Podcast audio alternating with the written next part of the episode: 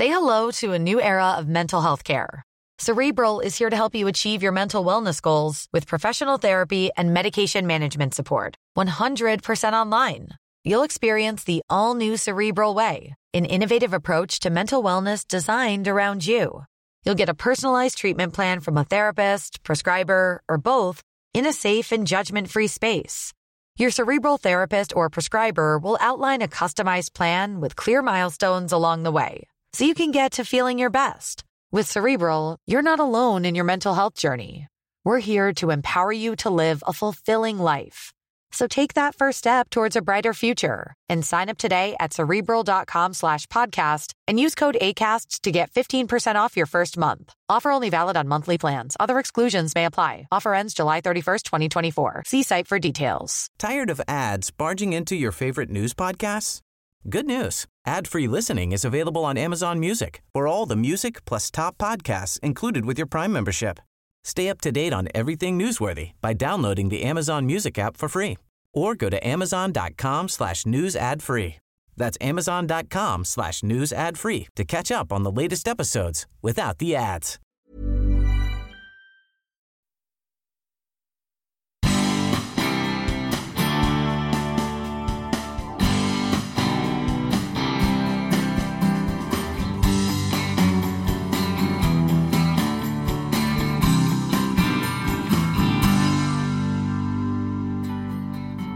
Eh, Medan jag är uppväxt med då att jag kunde ju inte pilla mig själv i näsan Alltså på tunnelbanan och käka snor som alla mina polare gjorde. För att det kunde ju hamna i tidningen och det ville man ju inte. Eh, så jag, telefonen slutade ringa och jag minns att jag, du vet, kunde ta upp min telefon och bara, är den på överhuvudtaget? Vad är det här? Men jag kunde liksom inte prata om de känslorna, känslorna med någon för att jag, jag skämdes ju över att, att det liksom på något sätt hade tagit slut. Att jag var, jag blev ju typ pensionär där och då.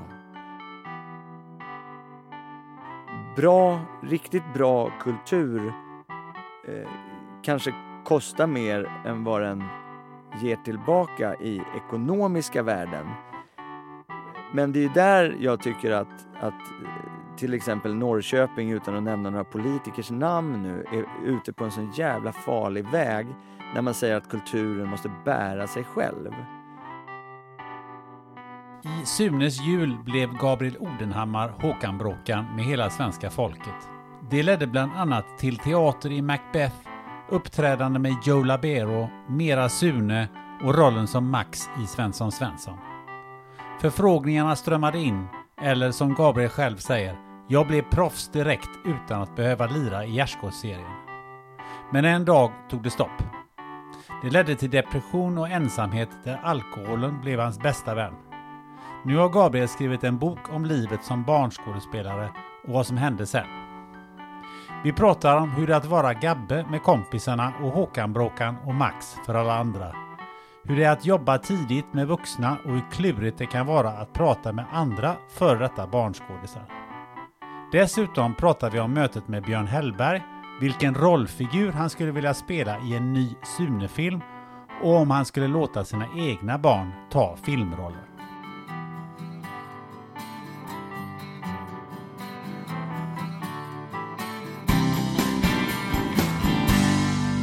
Jag försöker lägga upp det så att jag springer inte någonstans. Jag ska Nej. gå och titta på min bror som tatuerar sig. Okej. ja, ja, det, det är också ett, det är också ett nöje, eller hur? Precis. Eller hur? Ja. Välkommen till Spännande möten, Gabriel Odenhammar. Tack, tack. Du, hur har helgen varit? Ja, den här helgen har ju varit eh, ganska speciell måste jag säga. Jag, eh, jag var ju på Bokmässan i Göteborg. Mm. Eh, den, och jag vet inte vilken bokmässa det var i ordningen jag besökte nu. Min egen var det nummer ett. Det var Jag den tänkte- 39 kan jag Det var den säga. 39, Ja. tack, där kom det. Och vad roligt, jag är 39 år. Ja, och det var den ser. 39 Ja, bokmässan. Jag tror det var ah. Mm. hade jag ingen aning om. Eh, nej, jag åkte ner i onsdags, eh, så jag skulle vara där en dag före. Jag valde att inte bo på hotell eller något sånt där.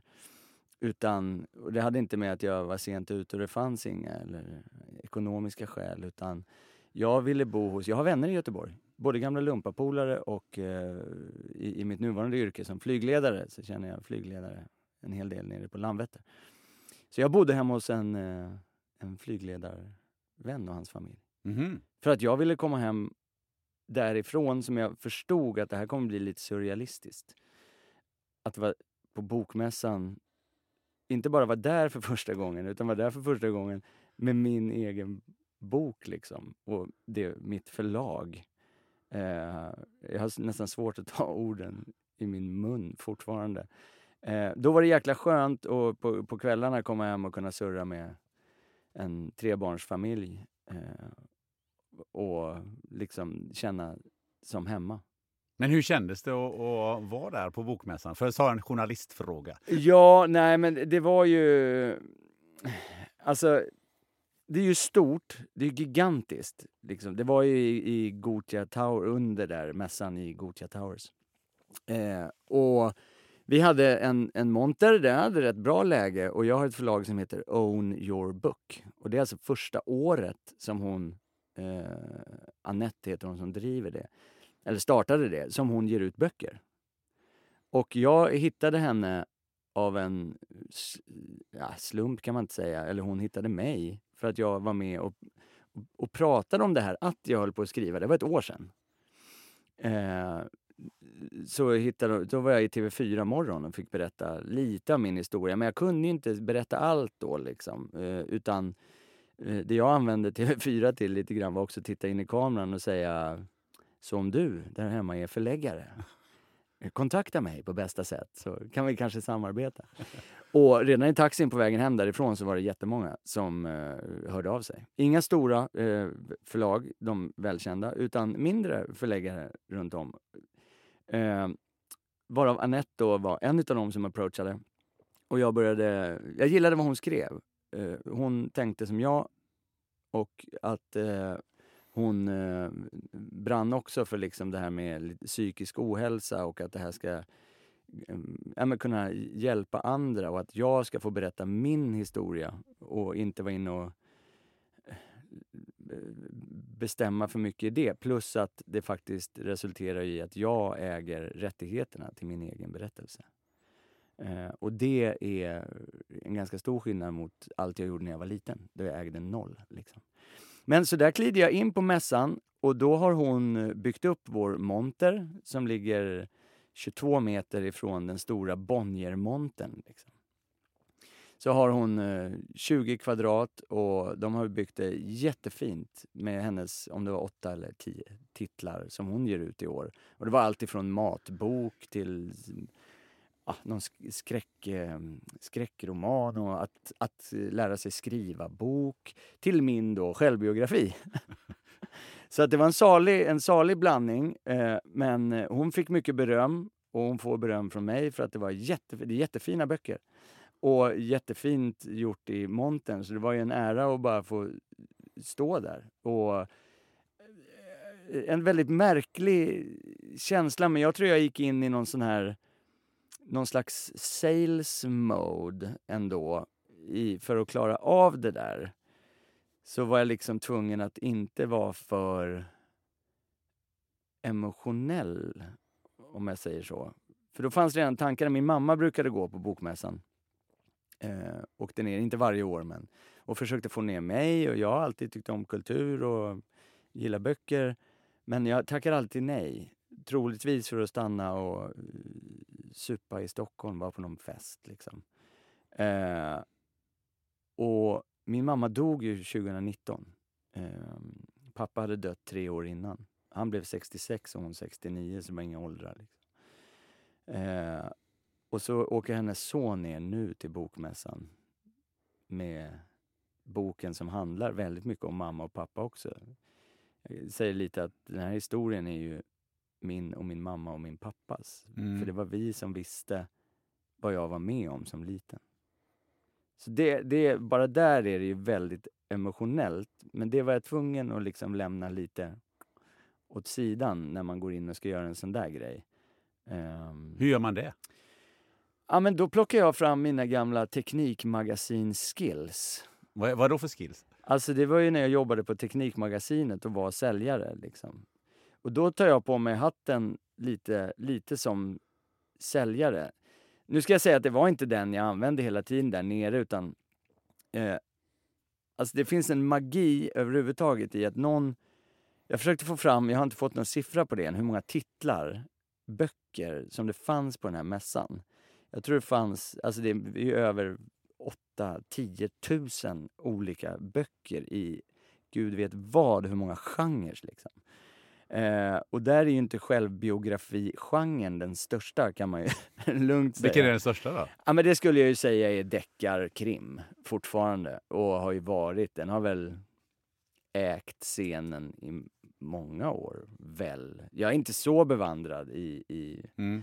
Den kulturen. Men, du tog med det på dig eh, Jo, men, jo, ja, men li, lite, lite så ibland. Så fick man ju, då stod man med sin bok i, i gången där. Eller så hade jag, jag hade tryckt upp såna här eh, kort. Eh, lite som, som kändisar kan ha.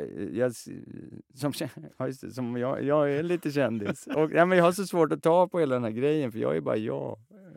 Eh, men, och då kunde jag stå i gången och så här, eh, får jag, får jag göra reklam för en bok? Och så gav jag ett kort, eh, så är det ett kort på mig och så står det min boktitel, det här ska han få fan för.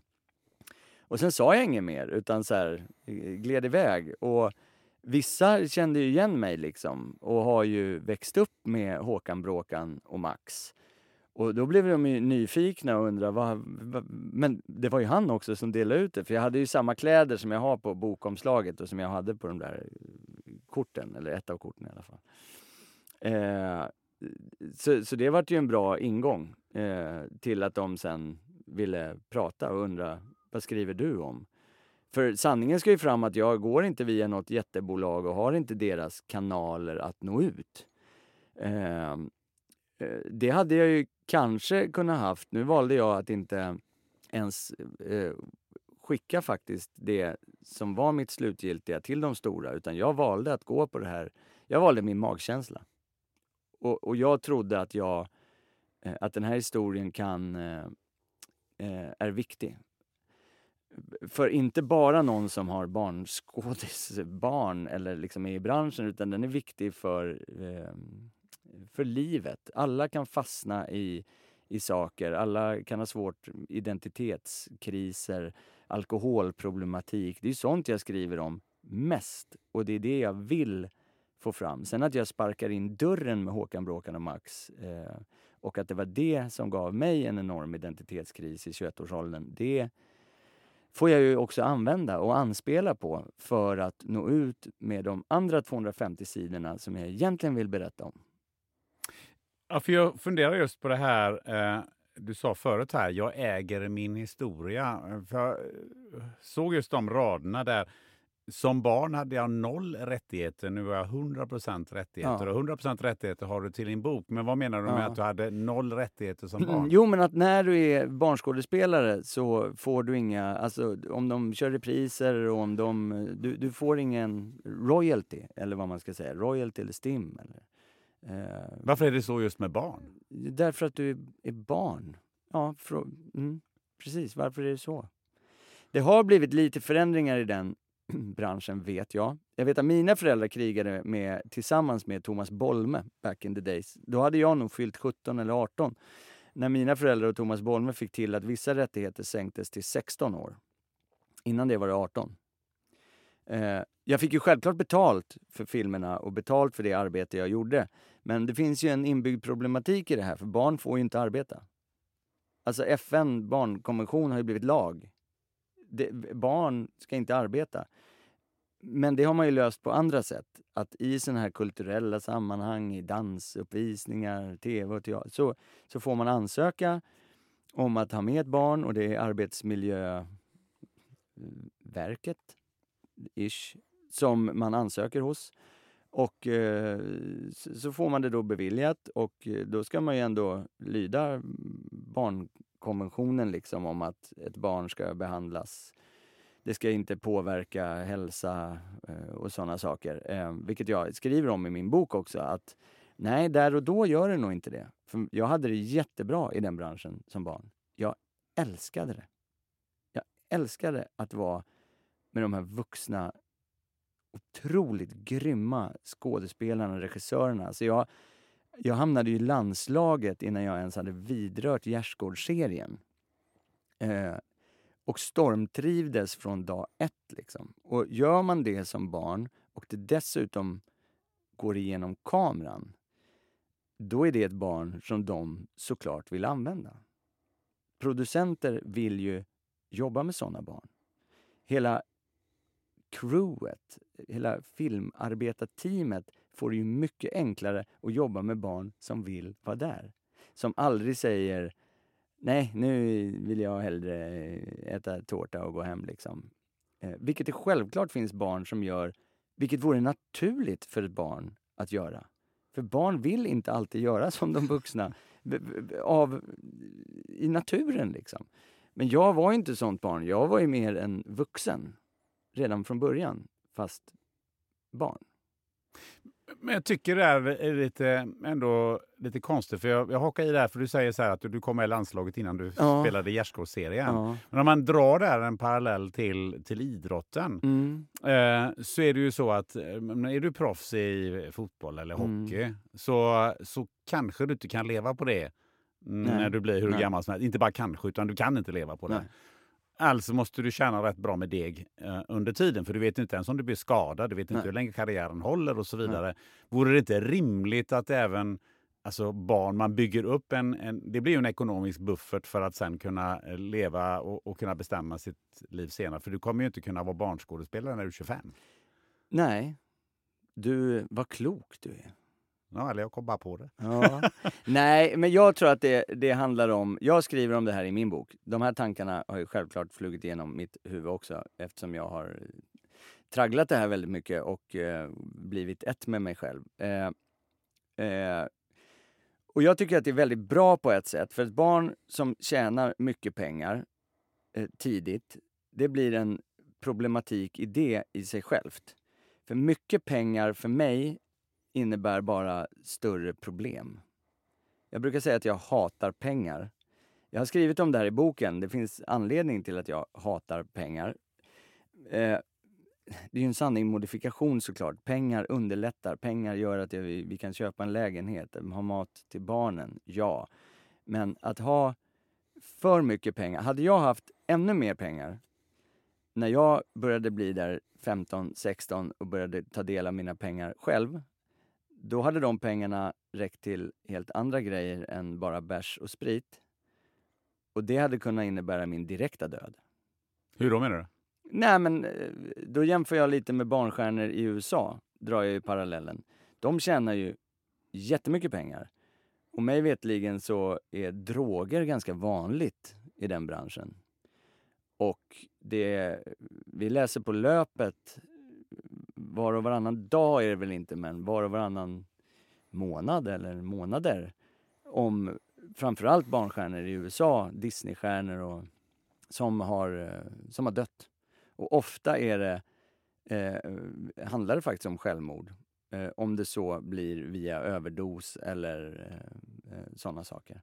Och jag säger inte att jag att den här boken besitter svaret på varför någon tar sitt liv. Men den här boken ger kanske en eh, vidare förståelse för det, det som faktiskt händer i huvudet.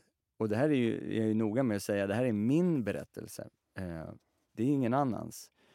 Eh, och då känns det jäkligt gött att kunna äga den även i rättighetsform. Liksom. För hade jag gett ut den här via något av de större bolagen, då ser fördelningen helt annorlunda ut eh, då ägs majoriteten såklart. Och så ska det ju eh, fungera där, att den ägs ju av, av bolaget då. Eh, så om det vill göras film eller göras pff, att, att själva storyn ska hamna någon annanstans, då är man ju själv inte, då har man ju minoritets säga till om eh, angående sånt. Alltså du fick bekosta eh, vägen fram till utgivningen också? Ja, eller har du bekostat ja. även jag tryckeri? Fru, ja, jajamän. Jag och min fru har bekostat rubbet. Eh, vi tog det på vårt bolag eh, som vi hade pengar på och sen gick vi till Handelsbanken och sa att vi tror på det här så mycket så vi måste ha lite mer pengar. För de räcker inte de här pengarna. Eh, och min fru sa det väldigt vackert häromveckan, det var innan bokmässan, så sa hon Älskling, det spelar ingen roll om vi får tillbaka de här pengarna, för du har blivit en så jäkla mycket bättre man. Härligt. Där är jag klar liksom. Så. Ja. Nej men vad, vad fan ska man säga? Vilken underbar fru jag har. Ja, ja men det, det är Eh. härligt. Eh, Du var ju superkändis som Håkan Bråkan och, och Max och det är liksom det som är grund, Ja. grunden i din story. Är.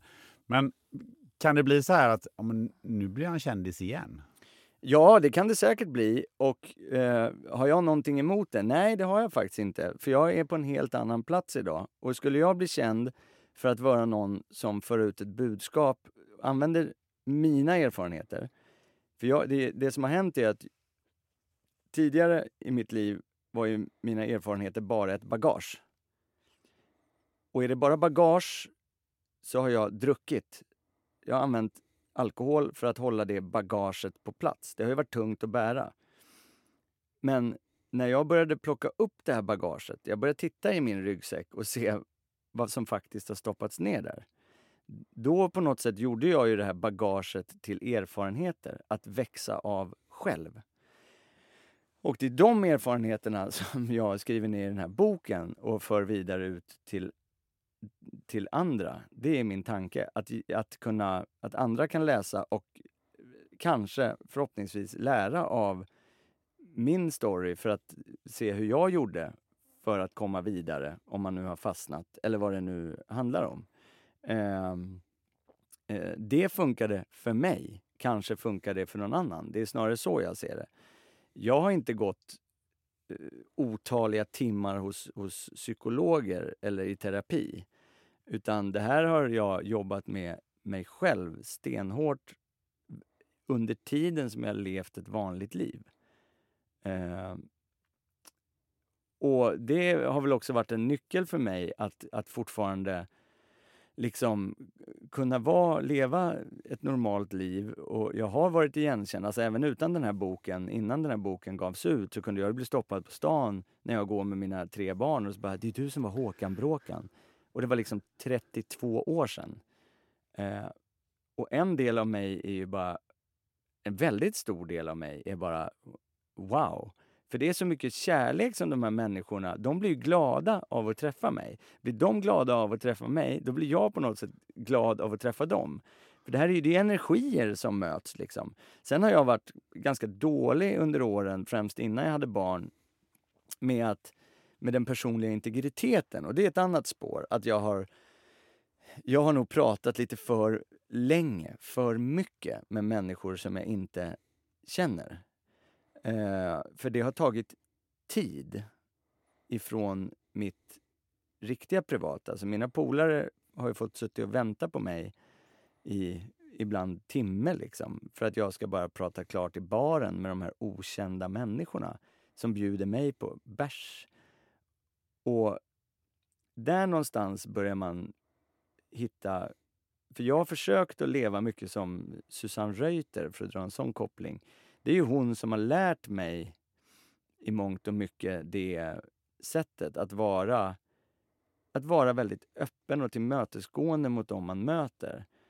Eh, inte nog med att man blir omtyckt själv kanske, och att det gynnar ju hennes karriär att vara omtyckt, även fast hon brukar spela en, en helt annan roll på, på tv och sådär.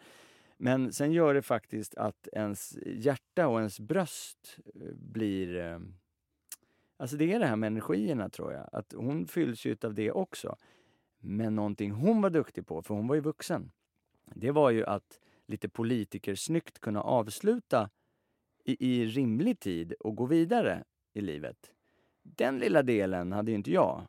Utan jag ville ju fortsätta och gärna bytte jag liksom eh, och började prata om dem, om dem själva istället. Den som hade känt igen mig från början. Så, ja men du då? Vad, vad var det du hette? Andreas? Ja, vad, vad jobbar du med liksom? Nej, men jag är rörmokare. Nej, är det sant? Ja, det är ju skitballt ju. Vi hade problem med rör hemma. Så började man prata om det. Och i lokalen då så försvann mitt kändisskimmer. Eh, vilket var mitt mål. För att det blev så himla mycket skönare för alla att vara där och dricka bärs.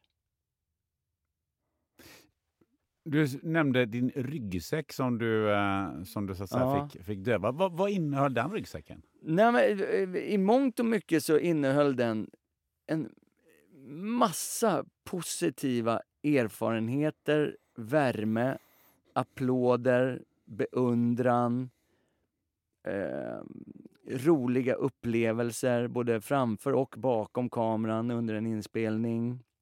Eh, massa kärleksfulla relationer till andra människor. Eh, nyfikenhet.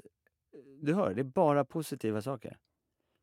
Men min förståelse för detta med psykisk ohälsa är den att det spelar liksom ingen roll om du bara har positiva erfarenheter eller om du i den andra ryggsäcken hos någon annan har att du har blivit eh, antastad, eh, slagen som liten, eh, rymt från krig. Eh, det är ju såklart, kan man säga, mycket, mycket värre upplevelser. Men när jag har träffat dessa människor, eller sådana människor med de erfarenheterna och har mött dem och börjat prata om det här, då har vi ändå insett hur, hur lika vi är efter flera år när man möts liksom i, i en vuxen ålder. För det det handlar om, det är att de har ju gömt, de har inte velat prata om de där hemska upplevelserna för att de vill inte eh, liksom väcka de minnen. Det är förfärliga minnen för dem. Eh, jag själv eh, ville ju ta upp mina minnen, vilket de också gjorde till slut. De tog upp sina de här minnena, men när de började krama om dem, få en förståelse för dem och eh, så, så kände de sig helare i, i sina själar. Liksom. Vilket jag gjorde med mitt. Så alla mina positiva erfarenheter eh, eh, blev ju ändå som vuxen som en grå sörja i bröstet. Som jag var tvungen att sortera i. För jag... Jag brukar eh, säga att det är som, för under de här 10-11 åren som jag höll på i den branschen, då gick jag i skolan samtidigt. Parallellt, jag hoppade ju aldrig över någon. Men jag kunde ju vara, vara borta. Jag gick ju inte i skolan fem dagar i veckan som andra barn gjorde, utan ibland var det två, ibland var det tre, ibland var det fem. Men ofta lite mindre. Eh, det jag var med om på, på jobbet, om man säger så, det, det var ju inspelningar. Det var ju, varje dag du var där så var det nya scener, det var nya grejer att göra. Pam, pam, pam, pam, pam, pam. Det var nytt. Där fanns det liksom ingen tid att reflektera över det man har gjort eller grotta i det på något sätt. Och sen kom jag till skolan och då var det väldigt viktigt, det fick jag med mina föräldrar såklart, att man ska inte tro att man är något, att vara för mer. Liksom. Eh, så i skolan kunde inte jag ju prata om det jag var med om på jobbet.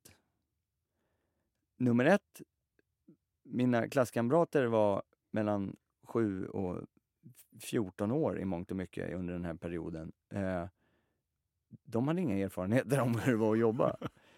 och inte minst inte på tv. Liksom. Och nummer två, att då prata om de här sakerna skulle kunna göra att jag blev mobbad och retad och tro att han är något för att han är på tv. Eh, så det resulterar i att vi inte pratade om det. Och så tar vi hemmet då, vilket är den tredje eh, världen. Eller liksom. Då hade ju mina föräldrar två barn till, nämligen mina syskon. Som var en bror som var fem år äldre och en syster som var sju år äldre.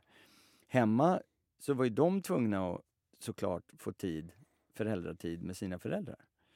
Eh, så det gjorde ju att tiden fanns ju inte där hemma heller att prata, att reflektera och tänka över vad man egentligen har varit med om. Så det här, det här jag behöll ju allt det i, i, i bröstet.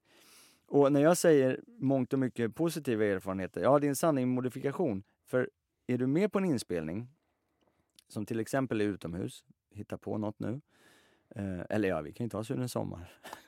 Eftersom det var där jag var. Eh, så så eh, fanns det ju lägen där liksom, nu måste vi ta den här scenen nu. För molnet där borta, om det kommer in, då är hela dagen förstörd. Självklart sa inte de det till oss barn. För vi barn ska leka. Vi ska vara där för att leka, vi ska inte jobba. Men som barn är man ju som en svamp. Man suger Det är klart att jag visste om det där molnet. Och jag visste att det skulle förmodligen tappas miljoner, miljarder, säkert triljarder kronor om vi missade den här inspelningsdagen. Eftersom ingen pratade med mig så visste inte jag vad pengar var. Eh, klart det inte handlade om triljarder kronor. Men jag var ett barn. Och i ett barns huvud så, så då fastnar ju den där... Det blev ju en stress och en press, fast osynlig på något sätt, som ändå finns. Och att jag måste ju göra mitt framför kameran. Så för om vi måste ta om det här tillräckligt många gånger så det där molnet kommer, det går inte. Eh, så det är väl klart som sjutton att, att sådana saker även fastnar i ett barns bröst. Eh, så sådana saker här har jag grottat och reflekterat över på senare år. Eh, och framförallt var det när jag började skriva den här boken för att må bättre själv. Eh, det var inte meningen att det skulle bli en bok från början. Sen var det en kollega till mig, en flygledare, som jag visste att hon läste mycket böcker. Hon frågade mig om hon fick läsa utav det jag hade skrivit och det bara kändes som en, va? Vill du det? Wow!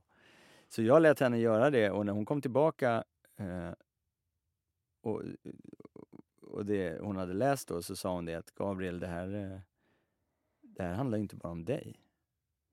Jo, det gör det visst det. Det är ju allt jag har varit med om. Ja, men det är inte så jag menar. Det här är, det här är större än dig, sa hon. Du, eh, du kanske borde skriva en bok. Uh, det blev en bok. Det blev en bok och den är precis nyligen utgiven. Den är precis färsk. Det var, jag träffade Björn Hellberg, eh, tv-profil, gammal tennis. Eh, ja, han eh, träffade där nere. Jag var tvungen att ta ett kort tillsammans med honom. Vi bytte böcker, jag och Björn. Eh, han kände igen mig faktiskt, tyckte det skulle vara spännande att läsa min historia och jag hans.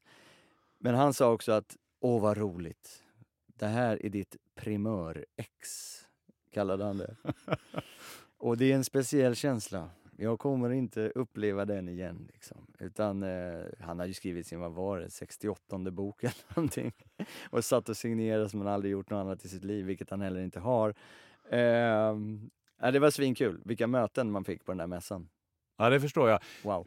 Nu hoppar jag det här. Ja, ja. det är helt okej. Okay. Det, det får man göra i den här podden. Ja, tack. Eh, tack. Särskilt om man är gäst. Ja. Um, nej, men jag tänkte tillbaka till den här eh, grå sörjan som du kallade mm, den förut, mm. av alla eh, fantastiska upplevelser. Men ska man tolka det så som att eh, eftersom du inte kunde dela det med någon egentligen, för du ju inte dela det senare i livet heller, för det var ingen som hade varit med om det heller. Alltså jag, jag drar den här lilla parallellen att om jag får med om någonting, ja men typ, jag reser själv mm. någonstans mm. och får med om någonting. Mm. Och så, så det är ingen annan som, som har varit med om det. Så det är ingen som, som fattar vad jag pratar om. Och det här är ju verkligen en light-version. Det är ju ja. liksom inte, det, nej, det mår jag inte dåligt av. Alltså så. Men, men just, jag kan tänka mig att det, du nämner ju Eh, dina föräldrar och dina kompisar. Men när du blev vuxen så finns det ju där finns ju ingen heller, eller? Nej, nej. alltså lite så var det ju. Det som finns är ju att jag eh, kunde ju kontaktat eh, gamla barnskådespelare, till exempel. Som har varit med om samma sak. Det luriga med det här är... Eh, för när jag kraschade, jag var 21 år eh, och fullkomligt kraschade. Favoritsysselsättningen blev att blunda hemma i, hos mina föräldrar, där jag bodde då. Eh, jag, jag skämdes ju över att jag mådde dåligt. Jag skämdes över att jag mådde dåligt för att jag just har haft det så bra. Och det är här någonstans jag tror att många kända människor kan känna igen sig För att de får inte outa, om man säger så, att de mår dåligt. Vissa, vissa gör det jättemycket och har snarast gjort det till en grej att göra det. Om, om man ska tro på den skvallerpresssidan liksom. Eh, men de flesta gör det inte för att vi är alla, vi är svenskar och svenska på det sättet att i alla fall jag är uppväxt med eh, ät upp allt på din tallrik. Tänk på barnen i Biafra till exempel. Och eh, att man, du, äh, man ska inte klaga, det är det så många andra som gör. Eh, eller att, ja, nej men det finns hur många exempel som helst. Vilket också leder till att man liksom just inte ska klaga. Man ska inte känna efter för mycket liksom. Eller man ska inte... Det finns alltid de som har det värre, så varför ska du? Och då blir det ganska eh, känsligt. Så att när jag var en, en bit in på den här processen att ge ut boken så kände jag så här... Ah, alltså jag vill ju verkligen inte... Det här, det här handlar verkligen, verkligen inte om åh buhu buhu. Liksom någon som, du har ju haft det så jävla bra, varför ska du gråta ut nu? Nej, nej, nej, nej, nej. Det handlar inte om det. Och därför avhandlar jag det redan i, i inledningen i den här boken. Eh, och säger att jag vet, jag vet vilket privilegie jag har. Jag är vit, jag är man, jag är typ medelålders, jag har ett känt förflutet. Alltså jag har, jag har så många fördelar till allt i det samhället som vi lever i just nu och har byggts upp. Eh, vilket jag typ skäms för och försöker varje dag eh, jobba för att eh, ge andra, eh, framförallt kvinnor, eh, möjligheten till, till saker. Ehm, eh, för att jag verkligen tror att det gynnar oss alla. Eh, men i det samhället, i strukturen vi har just nu, så gynnas jag enormt mycket. Men det är just därför jag känner att den här historien faktiskt kan vara bra också. För att även de männen, du behöver inte ha varit barnskådespelare eller känd, eh, så, så är du väldigt högt upp i hierarkin, bara du är man och vit. Eh, om vi, om de också tillåter sig att faktiskt må dåligt och kanske titta över sitt liv och sina val och väljer att göra det eh, genom att ta del av min historia, då vore väl det skitkul. Say hello to a new era of mental health care. Cerebral is here to help you achieve your mental wellness goals with professional therapy and medication management support. 100% online. You'll experience the all new Cerebral Way, an innovative approach to mental wellness designed around you. You'll get a personalized treatment plan from a therapist, prescriber, or both in a safe and judgment free space. Your cerebral therapist or prescriber will outline a customized plan with clear milestones along the way so you can get to feeling your best. With Cerebral, you're not alone in your mental health journey. We're here to empower you to live a fulfilling life. So take that first step towards a brighter future and sign up today at cerebral.com slash podcast and use code ACasts to get 15% off your first month. Offer only valid on monthly plans. Other exclusions may apply. Offer ends July 31st, 2024. See site for details. Introducing Wondersuite from Bluehost.com.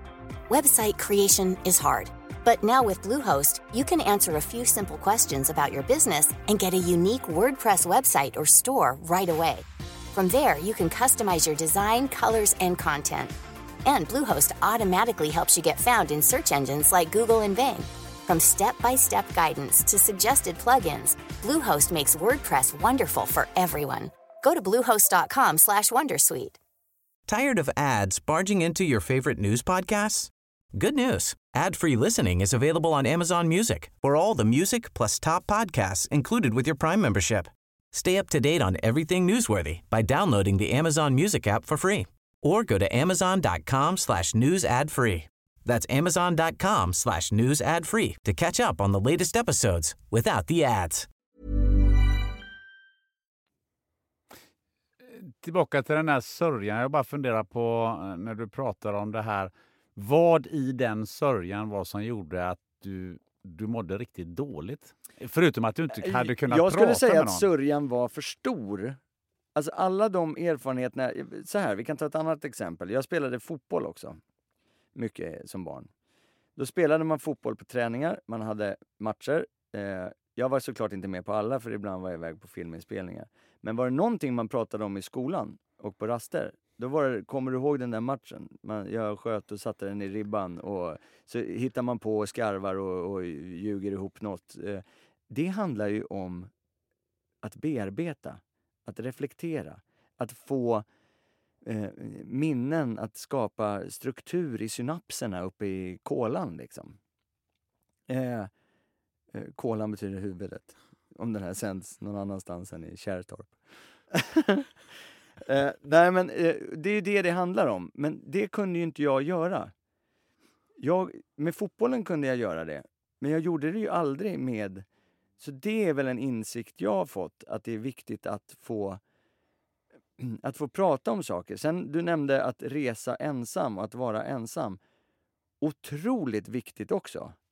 Att vara det och att släppa mobiltelefonen, att ta en skogspromenad. För det ger också just det här till hjärnan. Att hjärnan per automatik jobbar ju hela tiden med att sortera och, och få saker att falla på plats. Eh, och mina två sista veckor nu som jag har levt är ju, är ju livsfarliga. Så kan inte mitt liv fortsätta. Och då handlar det om att göra press till att man har släppt en bok, att göra intervjuer. Eh, något som är bra är ju att sitta i en sån här podd, reflekterade jag över på vägen hit. Jag har inte haft möjligheten att prata med någon om mina erfarenheter om Bokmässan till exempel. Nu får jag den äran att sitta här och prata om mina erfarenheter om hur det var bokmässan. Och det är inte bara, kan inte bara kanske glädja en lyssnare, utan det är skitnyttigt för mig. Och kanske roligt för dig också att få höra. Men det är ju det här mellanmänskliga utbytet av, av saker och att man kan lära sig saker om sitt eget liv genom att lyssna på andra. Eh, det är väl en insikt som jag har fått också som gör att, eh, att man gärna också lyssnar. För att vissa grejer i den andra berättelsen fyller små, små luckor i min egen. Och på så sätt växer jag och så växer den andra av att lyssna på mig eller av att eh, ha fått berätta. Eh, och, och det värnar jag mycket i mitt liv. Det, och det har jag egentligen alltid gjort. Men just det här som jag skriver om i boken har jag ju inte kunnat dela med någon. Och nu väljer jag att dela det med hela, hela, hela, världen. Hela världen. Ja. Eh, om du säger de här två senaste veckorna, är det lite det här att som min gamla chef brukade säga, eh, att bli hög på sin egen skit? Alltså att man på något sätt, eh, för man blir ju lite utav de här grejerna blir man ju lite hög. Det är ju, lite, Ja, det är ja, ju de facto knark, Ja. fast kroppseget eh, knark. Ja. Det kan ju vara samma sak om du tränar eller du är idrottare och du springer in på ett stadion som det står 60 000 och, och, och, och skriker när du, varje gång du kommer in där. Eller att vara barnskådespelare. Eller vara barnskådespelare. Men nu, du, du, du sa så här att de här två, jag kan inte hålla på mitt liv så som de senaste Nej. två veckorna. Nej. Är det lite tillbaka till det där att du får de här Eh, eh, ja, knarket? nej, ja, absolut. Både det och att det är en ohållbar situation om man har fru och tre barn och ska försöka rodda saker hemma. Liksom. Och sen har jag ju ett yrke, jag jobbar ju som flygledare idag. Och eh, det kommer inte jag sluta med. Eh, jag har gått ner i tid i det jobbet för att kunna eh, göra de här grejerna vid sidan av. Liksom. Och jag, jag hoppas och tror att Luftfartsverket, som jag jobbar för, eh, tycker att det också är en bra idé för att inom Luftfartsverket så har jag, eh, jag vet ju att du får leda, leda andra möten och träffar av, av olika konstellationer av människor. Jag har faktiskt gått en kurs i att bli eh, facilitator, Mm, vilket är ett väldigt närbesläktat ord till moderator. exakt. Eh, Men detta är facilitator och kommer bli mitt livs svåraste uppgift. För det är inte jag som ska prata, utan det är kursdeltagarna. Och i det här fallet kommer kursdeltagarna bestå utav eh, mångt och mycket flygledare runt om i Sverige. Som träffas och pratar om eh, väldigt viktiga, de mjuka värdena. Det är TRM, Team Resource Management. som är, eh, det satsar Luftfartsverket på, vilket hedrar dem. Det är också ett krav ifrån myndigheter att eh, vi i den branschen ska, eh, ska med jämna mellanrum eh Eh, gen, genomgå eller vara, eh, prata om, diskutera, eh, förkovra oss i dessa ämnen. Eh, framförallt att diskutera sinsemellan och då handlar det ju om eh, stress, Eh, fatig, alltså trötthet. Eh, det handlar om eh, teamwork, team roles och sådana ämnen. Så, så, det har jag gjort nu precis för en månad sedan. Så att, för jag är intresserad av sådana saker och det går ganska mycket i samklang med det jag har skrivit om och det jag bjuder på. För jag har ju den in, eller tron idag att vilken roll du än tar på dig i samhället så måste rollen innehålla absolut störst del dig själv. Eh, självklart så som bankman så har du kostym och du har en massa kunskaper och du har men om du skulle gå in i rollen till mer än 50% att vara just bankman, vad det nu är, men jag bara får upp tanken om att det skulle vara väldigt stiff och stelt och väldigt korrekt och att man uttrycker sig med svåra ord som kunden inte ska förstå eh, och så vidare. Alltså då, det, det, kommer, eh, det kommer inte bli en bra bankman enligt mig. Utan den bankmannen är ju också en privatperson. Och på något sätt så måste man få den privatpersonen och, och med bankkunskaperna att smälta samman. Det är det, det är då man kan bli en bra bankman som man faktiskt litar på och tror på. Jag har en sån bankman. Den här podden sponsras av Gröna Gårdar, din ekologiska köttbutik.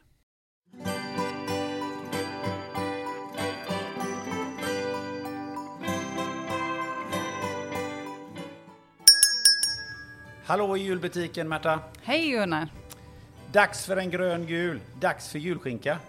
Jag köper givetvis alltid ekologisk julskinka. Men nu sa Elisabeth att den ska vara nitritfri också.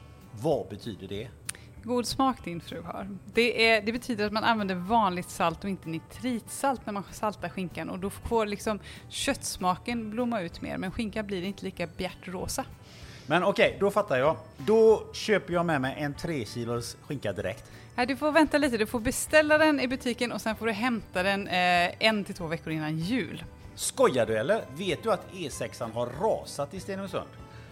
Alltså, ska jag behöva åka hit? Har du svårt att ta dig till Ljungskile, då är det bäst att du går in på grönagårdar.se istället och köper julskinkan. Där har vi lite mindre skinkor på 900 gram ungefär. Och anmäler man sig till vårt nyhetsbrev så kan man också få förtur till beställningen. Mm. Och sen kommer det faktiskt också en eller två lite spännande julnyheter som man kan hålla utkik i nyhetsbrevet i november, december någonstans. Julnyheter, vad är det för några? Ja, det är en tidig julklapp som får man inte öppna i förskott.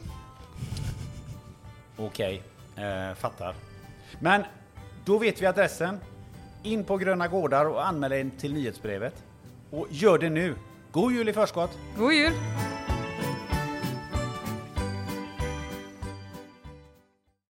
Tack Gröna Gårdar! När du säger det så, så tänker jag just på tillbaka till ditt eh, skådespeleri om man är ja. barn då. Hur kliver man in och ut ur sina roller? För du har ju, eh, du har ju kallat eh, boken, och du sa, eh, Håkan Bråkan Max och mig själv. Ja, boken om att spela Håkan ja. Bråkan Max och mig själv. Äh, men det är precis det som också blev problematiken för mig. Att jag jag var nog Håkan Bråkan när jag fick den rollen. Sen blev jag mer Håkan Bråkan och Håkan Bråkan blev mig genom att jag spelade rollen.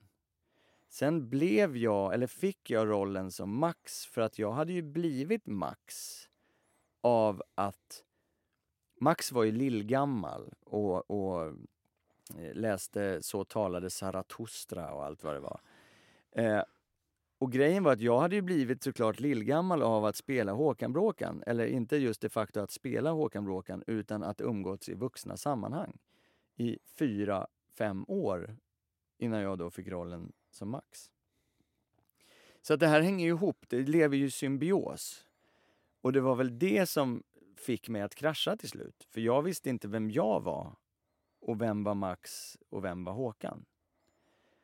Och när jag då i ung ålder blev approachad på stan av, av killar, tjejer, mammor, pappor som hade sett mig på TV, för så var det ju att det var många som såg eh, båda de karaktärerna på TV för att det fanns en TV-kanal att titta på. och där var jag. Eh, inte riktigt så, men eh, så i retrospektiv när jag skrivit den här boken så ser jag ju hur jag liksom drog på mig eh, den liksom, jag, jag, blev ytterligare lite mer, beroende på vad de hade sett då, Håkan Bråkan eller Max, så blev jag lite mer sån än, än Gabriel när jag eh, pratade med de människorna.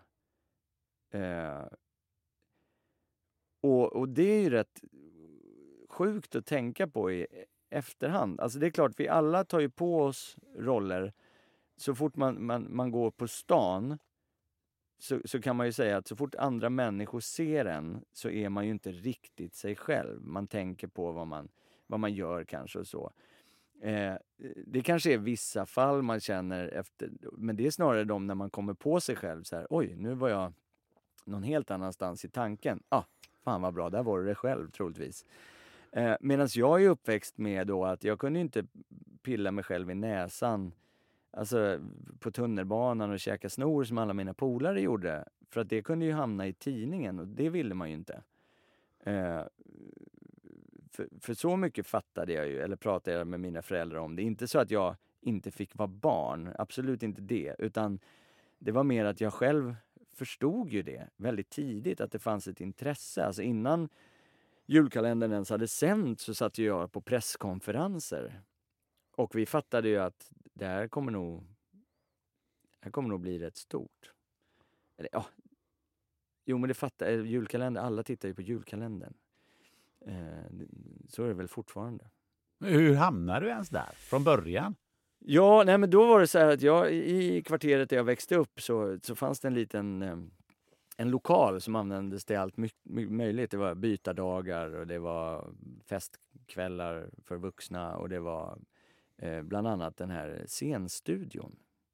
Eh, min mamma höll ekonomin till den lokalen. Hon var engagerad. Eh, min pappa också engagerad då i Hyresgästföreningen. Och sen var det väl en, den här Thomas Bergholtz heter han, som, han var teaterledare. Och han kom i kontakt med min mamma på något sätt, letade lokal och min mamma och han styrde upp det där att de startade då Vadarens scenstudio. Där gick mina syskon.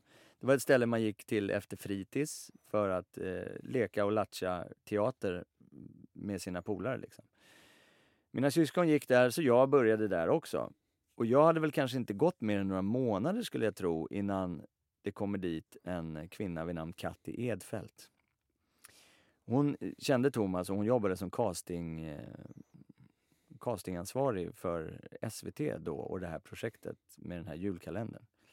Och skulle leta efter barn som skulle då spela Håkan eller Sune och hittade mig och såg mig brottandes bland skorna när jag var på väg hem. Och eh, hon eh, ville absolut prata med mig. Och i efterhand så har jag pratat med Katti och hon sa det att nej men jag såg, jag såg Håkan Bråkan. Liksom. Eh, så att jag kunde gott och väl prata med henne och gjorde det och hon bad att få ringa mina föräldrar och det kunde hon väl få göra. Om hon tyckte det och frågade om jag skulle tycka det var kul att provfilma. Ja, sa jag. Hade ingen aning om vad det var såklart. För jag var sex sju år. Eh, eh, hon ringde dagen efter till mamma och pappa och berättade att hon hade träffat mig och undrade om jag ville. Och för mamma och pappa var det väl mer som för när jag, jag, när jag kom hem den dagen så berättade jag nog det vid middagsbordet eller någonting. Det är i alla fall min historia det här. I boken kommer man få reda på en annan sanning. Det finns många olika sanningar. Det finns många sanningar, ja. Eh, nej, men, och så berättade jag det och det var väl ingen som trodde mig. De trodde väl jag dagdrömde lite. Eh, så jag hade väl det där spexiga i mig som barn på något sätt. Som tredje barnet och man ville man ville synas, få uppmärksamhet och man fick det från både storebror, storasyrra och föräldrar. Så att, ja, det, det, men, men då blev de lite chockade när de faktiskt ringde ifrån SVT och undrade om jag ville komma in och träffa regissör. Och, och det ville jag ju. Så att då gjorde vi. Så var jag var väl en av 2000 eller någonting som provade till den där rollen. Eh, och fick den. Eh, Varför tror du att du fick den, förutom att hon såg Håkan-bråkan i dig? Ja, nej men det, alltså det var väl... Jag tror jag redan som barn hade en enorm nyfikenhet i mig. Att jag tyckte att det var kul att testa, göra nya saker. Och sen som tredje barn, det här har jag inte forskat i, men jag kan tänka mig att många barnskådisar har äldre syskon. Det är bara något jag har fått för mig. Prove me wrong. Nej, men eh, för att det man gör är ju att man, man har ju flera att lära sig av då. Eh, alltså som barn innan jag blev Håkan Bråkan, bara i ett hem med fyra andra människor, så har jag ju fyra andra större personer att härma, att lära av. Eh, och detta gör man ju i hela livet utan att tänka på det. Och det här lilla barnet jag eh, gjorde väl såklart det. Och, eh, och testade väl olika bitar för att man vill ha olika saker. Om mina syskon frågade på något sätt om de fick godis på en tisdag och inte fick det. Nej, men då visste jag att det sättet funkar inte. Så någon annan tisdag så testade jag något sätt som till slut funkar och så lär man sig av. Alltså, det är ju livet. Man, och så agerar ju en, en mänsklig varelse utan att ens reflektera över det. Men man kan också välja spåret att faktiskt reflektera över det. Men det måste man nog vara vuxen för att göra. Eller Nej, jag tror barn kan såklart klara av det också. Men vad, kom... men, men vad kom jag fram till? Jo, var, jag gick nog igenom kameran. Jag gjorde som Stefan Apelgren sa. Eh, och han, jag hade det där luriga i blicken som var Håkan Bråkan. Och jag, jag eh, hade väldigt lätt att och bara lyssna och se och lära vad han tyckte att jag skulle göra. Och sen gjorde jag det och så testade han väl flera olika, säga olika saker till mig och jag gjorde det bara. För att jag hade väldigt lätt att härma. För det är ju så det är som barnskådespelare. Att vara barnskådespelare och vuxenskådespelare anar jag, gissar jag, har jag pratat lite med vuxna både skådespelare och regissör om, eh, handlar ju om att en, ett barn visar ju du som regissör. Du visar ju hur, hur den ska göra i den här scenen. Medan en vuxen skådespelare, då kanske du berättar Okej, okay, förra scenen, det var ju tre veckor sedan, men där eh, blev du överkörd av en taxi. Så att det är där det är det du kommer ifrån. Och så har den vuxna skådespelaren ofta en liksom backstory på sin karaktär för att eh, bygga. Så jobbar man inte med barn. För barn ska ju vara där och leka och inte jobba liksom. Så där handlar det ju mer om att just, ja du ska lära dig din replik, det är en sak. Men sen försök att säga den som att du säger den till din mamma hemma när du la la la och så leker de fram och så filmar de och så lyckas man göra det. Eh, eh, och så kan man inte jobba med en vuxen skådespelare, eller jag antar att det hade inte en vuxen skådespelare tyckt var så jävla kul. Helt enkelt. Visste de att du var en, en, ett barn eh, som inte sa ah, skit ner dig, jag går hem och äter tårta nu? Nej, alltså det, det, det är väl alltid en chansning, gissar jag. Sen anar jag att de pratade ju med mina föräldrar inför detta. Och då kanske de har lite, det har jag ingen aning om, lite magiska frågor att ställa som de av erfarenhet har liksom eh, koll på. Eh, men att det skulle vara ett sånt här barn de hittade, som till och med var med och regisserade som nioåring. Eh, det tror jag de hade svårt att pointa. Vad sa dina föräldrar eh, sådär i början när, när, eh, när det här kom upp och du började? De, de måste ju också börjat inse att det här kommer ju inte bara stanna vid något litet test, utan här kommer det att hända Nej, grejer. Nej, alltså det jag minns, jag önskar ju så att de hade levt idag och att jag hade fått göra den här processen med dem. i mångt och mycket så, så gjorde vi lite av den här processen när jag var vuxen, men ofta drack vi någon form av alkohol då. Vi sa att vi skulle skriva ner, men gjorde inte det. Eh, alla diskussioner har vi inte haft, alla frågor har jag inte kunnat ställa dem, så jag har fått vända mig till andra, nämligen till skådespelare och regissörer som jag jobbat med mycket. Och de har ställt upp allihopa och varit underbara i den här processen. Eh, jag tror att de, det jag minns var att de alltid sa till mig att, att det här är, det är en hobby. Det är någonting, man vet aldrig efteråt om du får göra någonting igen eller inte. Och så. De var väldigt bra, mina föräldrar, på det sättet. De var inte dugg intresserade av liksom kändis kändisvärlden i det. Eh, de blev intresserade snarast av sådana som Susanne Reuter för att hon är en sån jävla fin människa. Så de blev lite kompisar liksom. Vi, vi, vi ska inte överdriva, men vi hälsade på dem på landet och sådär. Det är klart att jag var knutpunkten i det. Liksom. Eh, men de uppskattade varandra. Eh, eh, och, men mina föräldrar försökte alltid, alltså du ska ju utbilda dig sen, skaffa dig ett yrke. Sen om det yrket skulle bli skådespelare, om jag har gått scenskolan och så, det är en annan eh, femma. Men min mamma var lärare och pappa var ekonom på Ersta sjukhus. Och båda var ja, men väl utbildade i sina yrken. och eh, den, Det är var jag kommer ifrån. Liksom. Så att, att utbilda sig, det skulle man göra. Du sa ju som nioåring så, så regisserade du redan och sa Ja. lite att du borde ta den här tagningen på det här hållet och, Ja. och de gjorde som du sa. Eh, varför blev inte liksom regissörsgrenen, varför utvecklade du inte den och varför sitter du inte här och är, som Bergmans arvtagare? Ja, varför gör jag inte det? Nej men alltså, det, det, jag känner lite själv så här att det kunde jag säkert ha gjort. Men eh, det som hände mig när jag blev vuxen, Susanne Reuter var ju sån, hon sa ju det till mig att du, du är vår lilla regissör.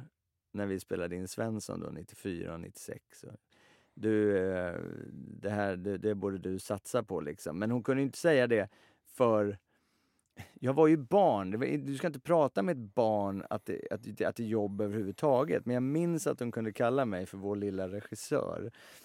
Eh, men det som hände sen, efter att jag hade gjort alla de här grejerna, jag gjorde väl det sista stora då, eh, var ju Svensson Svensson på Kinateatern i Stockholm, det var 99-2000. Att efter 2000, då var inte jag barn längre. Jag var vuxen. Och telefonen slutade ringa. Eh, jag var van vid att jag hade inte sökt en enda roll. Jag, jag var på provfilmning på den där första men jag blev ju ändå hittad. Liksom. Det var inte mamma och pappa som hade skrivit in att här har ni någon. Utan jag blev hittad, jag hade inte sökt en enda roll i hela livet. Det var alltid telefonen ringde hemma hos mamma och pappa. De svarade, ibland tjuvlyssnade jag, ibland eh, och sådär. Eh, och, och saker bara avlöste varandra. Men och någonstans, jag, jag försöker dra mig tillbaka nu till hur situationen var. För då gick jag gymnasiet, jag hade väl gått klart ettan på gymnasiet ungefär. Så att den teaterföreställningen spelade vi medan jag gick i första ring på gymnasiet. Så då gjorde jag första ring liksom parallellt med att jag jobbade. Eh, och så hade jag gjort under hela min skolgång, vilket såklart måste vara jävligt uttröttande, känner jag i retrospektiv också. Jag kände väl inte så då, mer än att jag vet att jag tyckte om att vara full. Jag tyckte om att festa. Alla tyckte det var väldigt kul att jag gjorde det. Och jag var inte dum, jag slogs inte, jag, utan vi hade roligt. Liksom. Eh, och i den åldern då var det mer att man hejade på. Åh, vad coolt när någon, inte, när någon somnar där man inte ska somna. Eller, det var mer ballt, den som kunde dricka mest. Liksom. Eh, så jag, telefonen slutade ringa och jag minns att jag, du vet, kunde ta upp min telefon och bara, är den på överhuvudtaget? Vad är det här? Men jag kunde liksom inte prata om de känslorna, känslorna med någon för att jag, jag skämdes ju över att, att det liksom på något sätt hade tagit slut. Att jag var... Jag blev ju typ pensionär där och då. Lite som du jämförde tidigare med de här eh, hockey-NHL-killarna som... Och den här problematiken som jag beskriver i den här boken finns ju på många ställen i vårt samhälle. Så det är en väldigt generell bok, även fast det just handlar om min historia det här. Men man kan översätta det här till väldigt, väldigt mycket. Och det behöver inte ens vara så elit liksom för att du ska känna igen dig i det här tror jag. Men, men det är som du säger, de har ju tjänat miljoner på sina karriärer. Men framförallt så började ju de eh, i Gärdsgårdsserien. Eh, och nämligen började på hockey på stapplande ben en gång i tiden och sen successivt har lärt sig klubbhantering och svänga ordentligt och sen blir de proffs. Så de har ju haft en enorm skola bakom sig. Vilket jag inte hade. Det är en, en enorm skillnad skulle jag säga för, för grunden i det. Sen har ju de likväl svårt som, som vem som helst där någonting tar slut. Och där går ju lika mycket att jämföra med en pensionär som har jobbat i ett yrke i helt liv och sen går i pension. Det är inte ovanligt att sådana, främst gubar, eh, tar livet av sig. För att det blir ett sånt tomrum efter ett helt arbetsliv i någonting. Hur gör man då för att slippa det? Jo, man måste ju engagera sig i andra saker. Du måste ha din själ i... De brukar ju säga att ja, men du måste lägga ner din själ på hockeyn om du ska... Jo, men inte riktigt din själ. Du måste lägga ner din själ på det du älskar, det du brinner för. Då måste man hitta andra saker att brinna för eh, parallellt som, som absolut inte tar bort det som är din gåva, att ha blivit duktig i någonting. För det måste du såklart öva, träna skitmycket för att behålla det på den nivån. Men att man parallellt bygger upp ett, ett, dels ett självförtroende i sig själv, att man duger som person och inte bara som den där hockeyspelaren. Men sen också sitt intresse, om det nu är för just sådana frågor kanske. Så att man kan gå över till att eh, hjälpa andra hockeylag när nu den karriären är slut. Man väljer det spåret eller att man tar upp det man hade tillsammans med hockey när man var liten, nämligen att hugga ved då är väl det jättebra att ta upp igen, för det var något man älskade förr och så vidare. och så vidare. Det är ju, tror jag, när du inte hittar det och inte ens tänker de tankarna som det blir ett, ett kan bli ett sånt stort tomrum och en sån stor håla att falla ner i att du faktiskt inte kommer upp. Och att inte komma upp för mig då innebär att du kanske tar ditt liv. Eh, och det är ju det sorgliga i den kråksången. Liksom. Hur nära själv var du eh, de tankarna? Jag var, jag var väldigt, jag hade de tankarna under den perioden då jag kraschade första gången 2004. Eh, när jag låg hemma hos mamma och pappa och bara blundade. Då hade jag självmordstankar och jag... Någonting i mig sa ändå att jag inte kommer göra det. Samtidigt som jag en dag utav de dagarna under tre månader blev inhämtad från balkongen av min pappa. Eh, vilket är... Eh, och det var ett minne som dök upp som jag inte har pratat med min pappa om. Eh, men jag skriver om det i boken. Eh, som jag minns det liksom, att det var. För att det var som att vi... Som att han inte heller ville liksom ta i det. Att, vad fan, är det här, är det, det här vi har hjälpt till att skapa på något sätt? Att de hade, de hade ju såklart ett ansvar för mig. Eh, nu blir jag lite rörd. Eh, okay. eh, men de hade ju ett ansvar. De var ju de som var, eh, var ansvariga för mig fram till att jag var 18 år. Liksom. Jag var ju barn. Eh, Och att se sin son då krascha så hårt måste ju vara förjävligt när man antar att vi har ju sagt ja till det här. Eh, och huruvida de visste eller förstod eller tänkte på hur allting hängde ihop, det kan jag inte svara på, men jag lyckades ju resa mig eh, till slut. Eh, nästan lika fort som jag hamnade där. Så var det för mig. Och det var för att jag kom på en, en av mina nycklar var ju just att, att jag tänkte mycket kring att jag aldrig hade bestämt eh, något vidare stort av värde i hela mitt liv. Liksom. Eh, så det var en av nycklarna att tänka så här, fan det är ju jag som måste bestämma. Jag kan ju inte gå runt, jag kan inte leva ett liv där alla andra ska bestämma vad jag ska göra. Och så hade det ju varit såklart i hela skådespelarbranschen. Men det, eftersom jag var mycket på TV, så gjorde ju det i sig att jag inte kunde, hade inte tid och ja, göra någon större revolt mot mina föräldrar till exempel. Den här klassiska, eller klassiska, jag vet inte, men vid 13-årsåldern kanske att du blir skejtare, rakar av dig håret och sådär. Nej, nej, då satt jag i TV-huset och min frisyr blev klippt en millimeter för att det skulle se ut som veckan innan.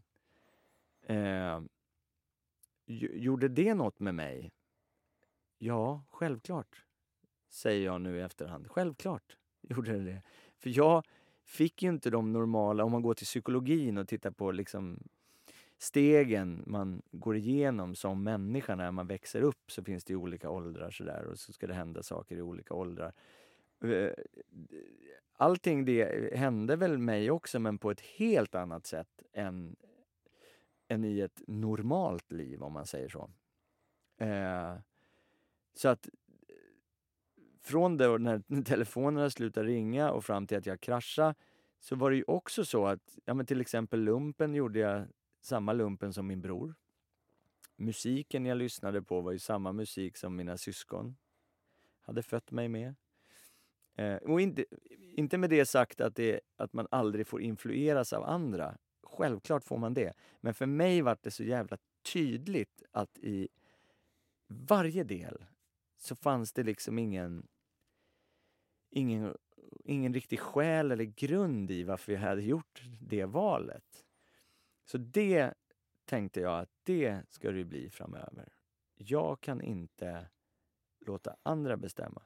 Hur gick det då? Vände sig livet direkt? Nej, det är klart det inte gjorde.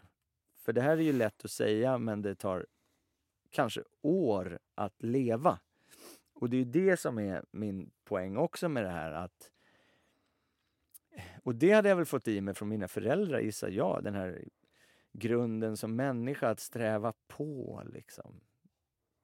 Bara kör på. Det kommer lösa sig liksom. Någonstans. Bara du gör eh, val som känns bra i, i själen, att du är ett med det. Då kommer det liksom, det ena kommer ge det andra.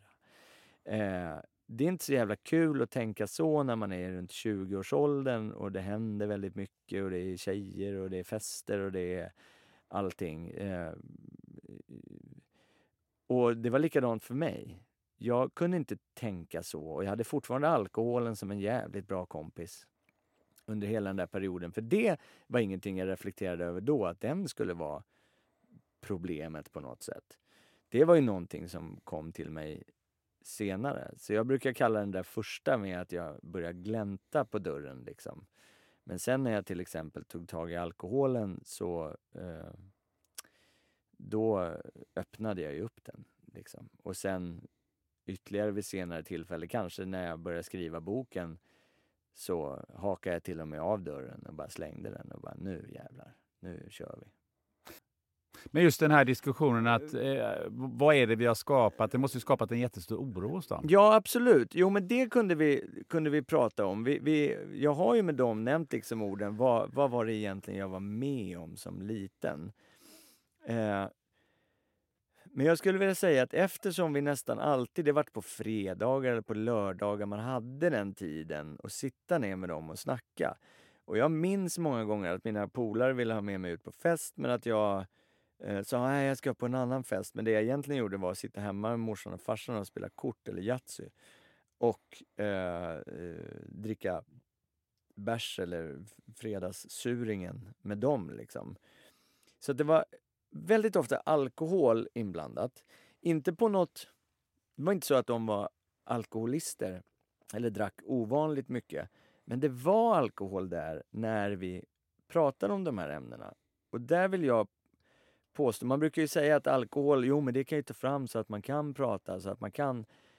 Ja, till viss del så stämmer nog det. Men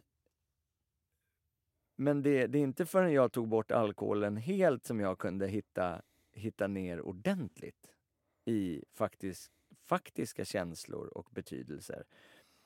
Så vi pratar ju om det här såklart med hur knepigt det var för mig. För jag började jobba till exempel på Teknikmagasinet, började först på lagret när jag var 16, för du får inte stå i butik förrän du är 18. När jag var 18 så började jag i butik och då kunde det, alltså folk kände ju igen mig. Det var ju Max som stod och sålde saker på Teknikmagasinet. Och det kunde jag ju såklart nyttja genom att sälja mer. Eh, när jag gjorde det så stack det i bröstet och kändes så jävla ruttet. Men det var ett provisionsbaserat jobb. Och jag... Eh, det var ju, man gjorde det ju för att tjäna pengar liksom. Samtidigt som det var flera fall där ofta tjejer kom in och skulle köpa, jag minns tillfällen där de kom in och skulle titta på löspenisar. Och att jag skulle visa dem och då tog de en bild på mig där jag står och håller i. Och jag ställde upp på det. Det var inte så att jag eh, Utan jag tycker om att det är kul, då bjuder jag på det liksom. Men det vet jag att jag diskuterade med morsan och farsan att fan, det finns ju jobb, jag, för jag, jag tyckte ändå att det var kul att vara säljare på något sätt. Men jag kände att det där, där kan jag ju inte stå. Där kan, det är omöjligt. Jag kan inte stå och bli igenkänd som Max och Håkan-bråkan. Eh, så, så det hade vi diskussioner om, hur, hur knepigt. Nej, liksom kom väl de fram till också att det är nog inte det bästa. Och det var väl där mamma alltid sa att du ska ju hitta en utbildning. Du måste ju... Är du inte intresserad av något? Så jag kommer ihåg att jag skickade in och skulle bli så här, eh, läsa en femårig teknisk eh, medicinteknik tror jag var inne på. Något sånt. För då kunde man komma och hjälpa, kanske bygga proteser till folk och sådär. Det, det blev aldrig det, men eh, eh, det blev något annat. Men det tillbaka till regissören och eh, telefonen som slutade Ja. att ringa. Ja. Eh, det fanns liksom inte i dig så att jag vill fortsätta i den här världen och ringer inte de mig så ringer jag dem. Eh, jag ska bli regissör eller så ska jag vara skådespelare i något annat. Alltså liksom det här... Alltså att det- fa- jag, måste ju, jag måste ju fighta mig Ja. fram så att jag kommer tillbaka till den världen, för det är världens roligaste värld. Eller Ja, men- var det inte det? Nej, både och. För jag började ju då i vuxen ålder reflektera över, liksom med mina föräldrar och med mig själv, vad jag hade varit med om. Och jag var ju liksom lite uppväxt i den där världen och fattade ju hur lite konstig den världen var mot den normala världen. Ehm, att metoo briserade, eh, det förstår jag av att ha varit i den världen. Utan att nu ska jag säga så att inga utav de produktionerna jag har varit med i så, det har aldrig varit någon, några sexuella grejer eller trakasserier, eller vad jag vet. Men eh, jag var ju med på olika kändisfester, tillställningar och det här skriver jag också om i boken och hur jag ser människor prata med varandra och jag bara står och iakttar men ser hur på något sätt själlösa de där samtalen är. För båda står ju Båda utav de som står och pratar med varandra står ju samtidigt och tittar runt om. Finns det någon bättre jag kan prata med som tar mig uppåt, typ? Eh, och, och det var en så jävla märklig känsla. Men det funkar ju så i den branschen. Och det är ju många branscher som har det så, vilket jag fick uppleva nu på Bokmässan också faktiskt, apropå det. Eh, där jag ju inte är, jag är ju nobody i bokbranschen. Alltså om man pratar, jag har gett ut en bok som handlar om mitt liv och den här boken är ju snarare ett projekt för mig. En, en vilja att nå ut och att ha en språngbräda att kunna prata om psykisk ohälsa från min vinkel som jag tror kanske kan attrahera barn och unga idag. För jag jämför mitt eget liv som ett levande Instagram. Och det folk gör idag är att skapa sin avatar på Instagram och så fyller de den med, med saker som ofta... Eh, jag hade den här diskussionen med väldigt många 16-åriga tjejer och killar på mässan. Det var jätteintressant.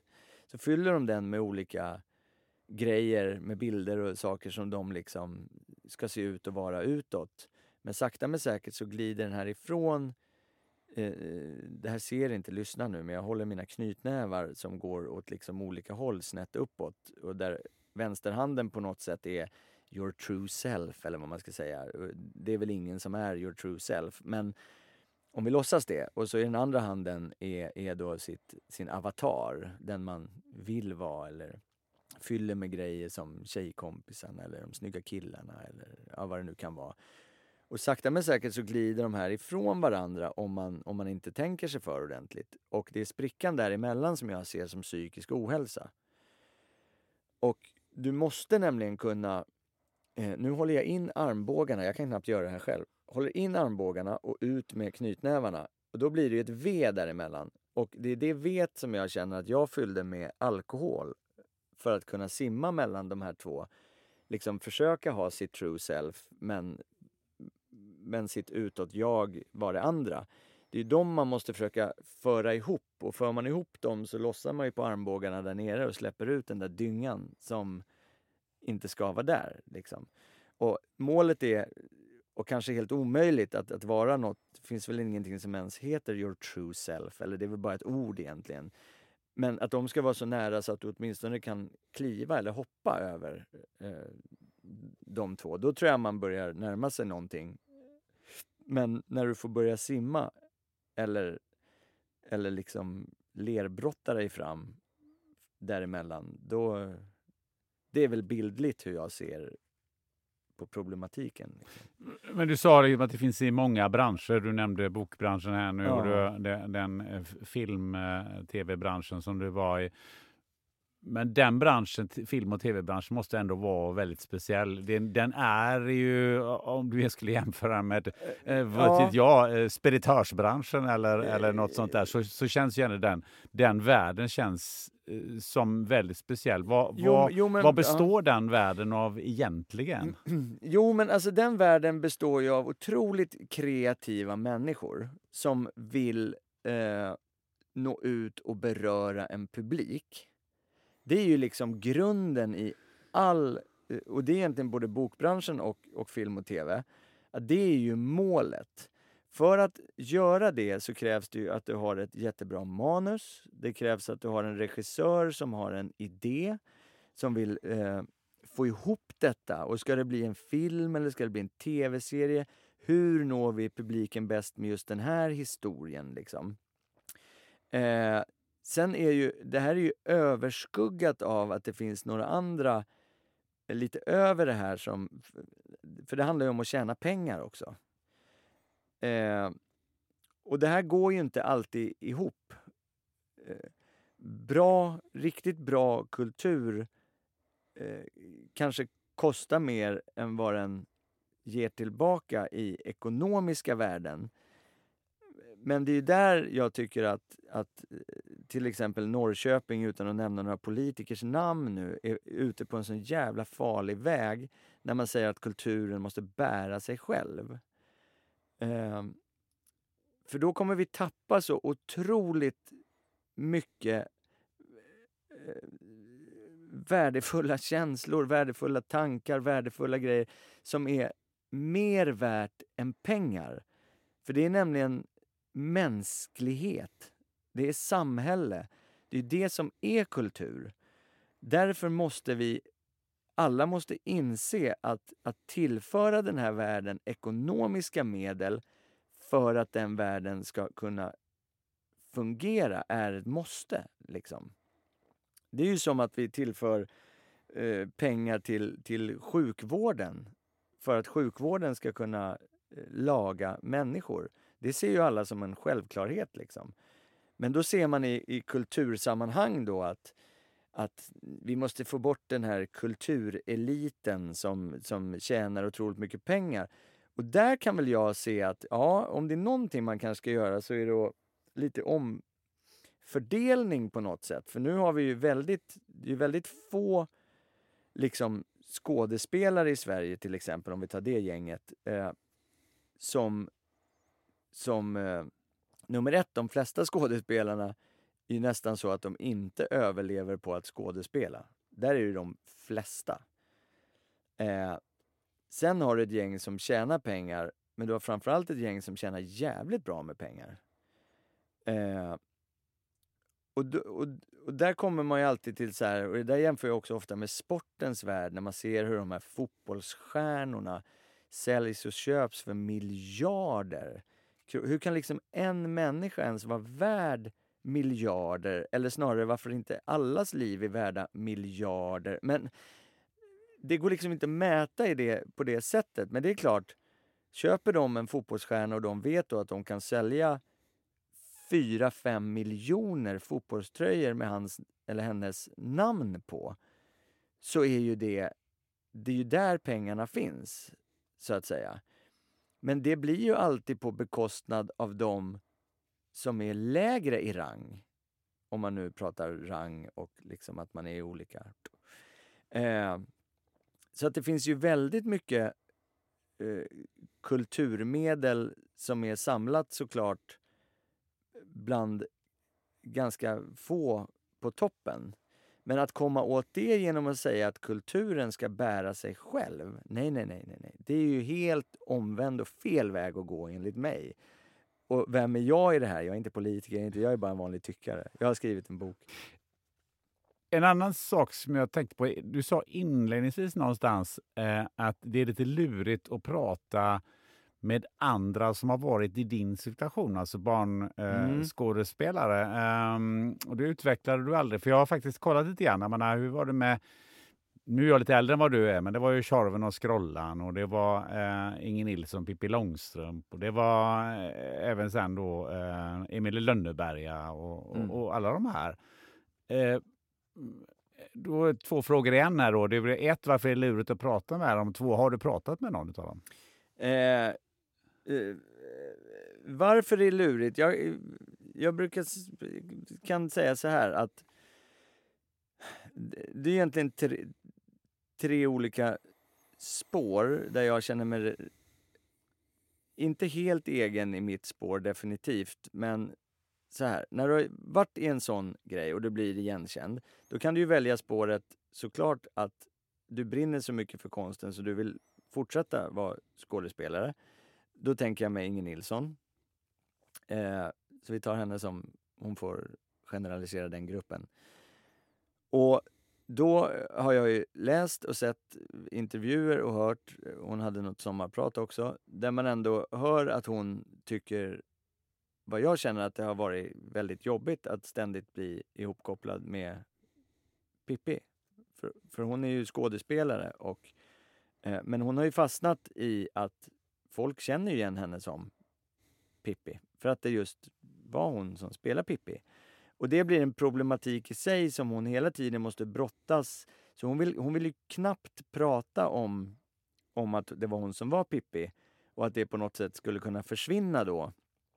Och att hon då ska få sin rättmätiga eh, chans att faktiskt göra andra skådespelare. Men det blir svårt, för där bestämmer ju pu publiken mer att om man känner igen henne som Pippi och då kanske man inte, då kanske inte casting, även fast castingfirmorna tycker att hon är skitbra skådespelare och vill använda henne till den här rollen. Så när de sitter ner och diskuterar det så bara, fast man vill ju inte ha Pippi-kopplingen. Liksom.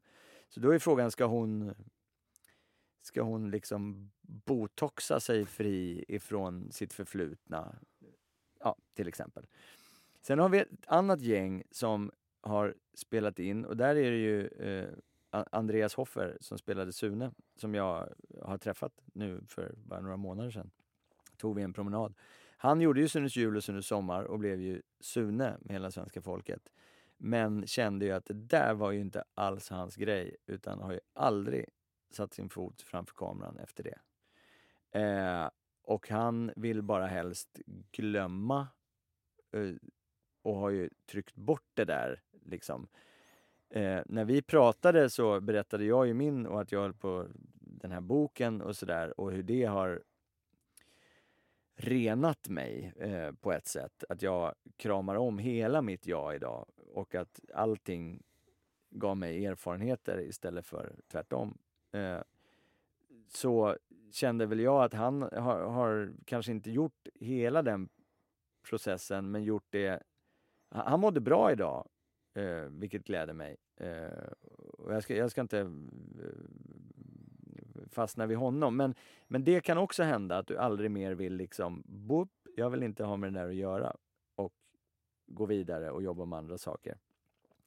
Och sen har vi ett eh, spår i eh, egentligen i mitten där, där man trasslar vidare och fastnar i förflutna. Ofta blir alkohol, droger involverat och man mår jävligt dåligt men fattar inte varför och man kommer inte dit jag gjorde, att faktiskt kunna nysta ut ett, ett slags svar på alla frågor, eh, eller flera svar, eh, och sen skriva en bok. Där är jag ju rätt ensam. liksom.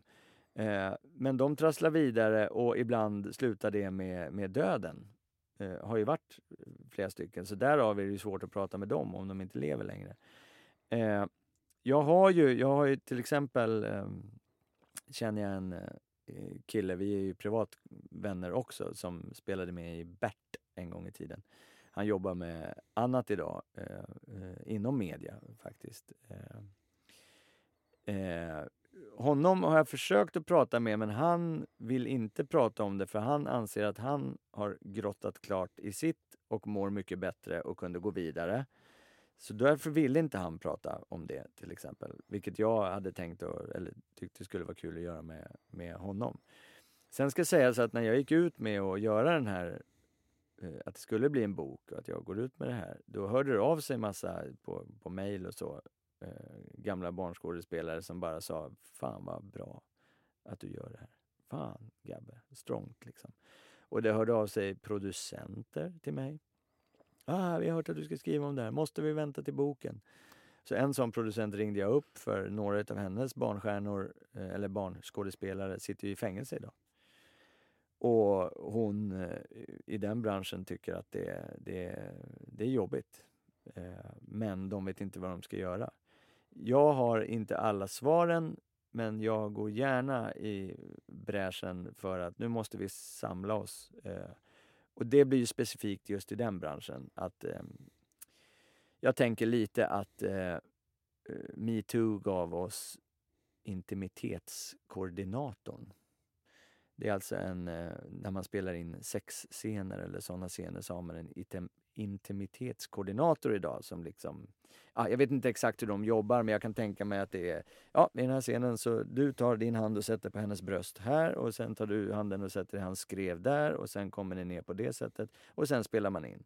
Istället för att som innan gjorde, eh, som har skett inom svensk kultur, att någon faktiskt tycker att, eh, ofta en man, tycker att det här ska vara så äkta så det här måste vi göra på riktigt.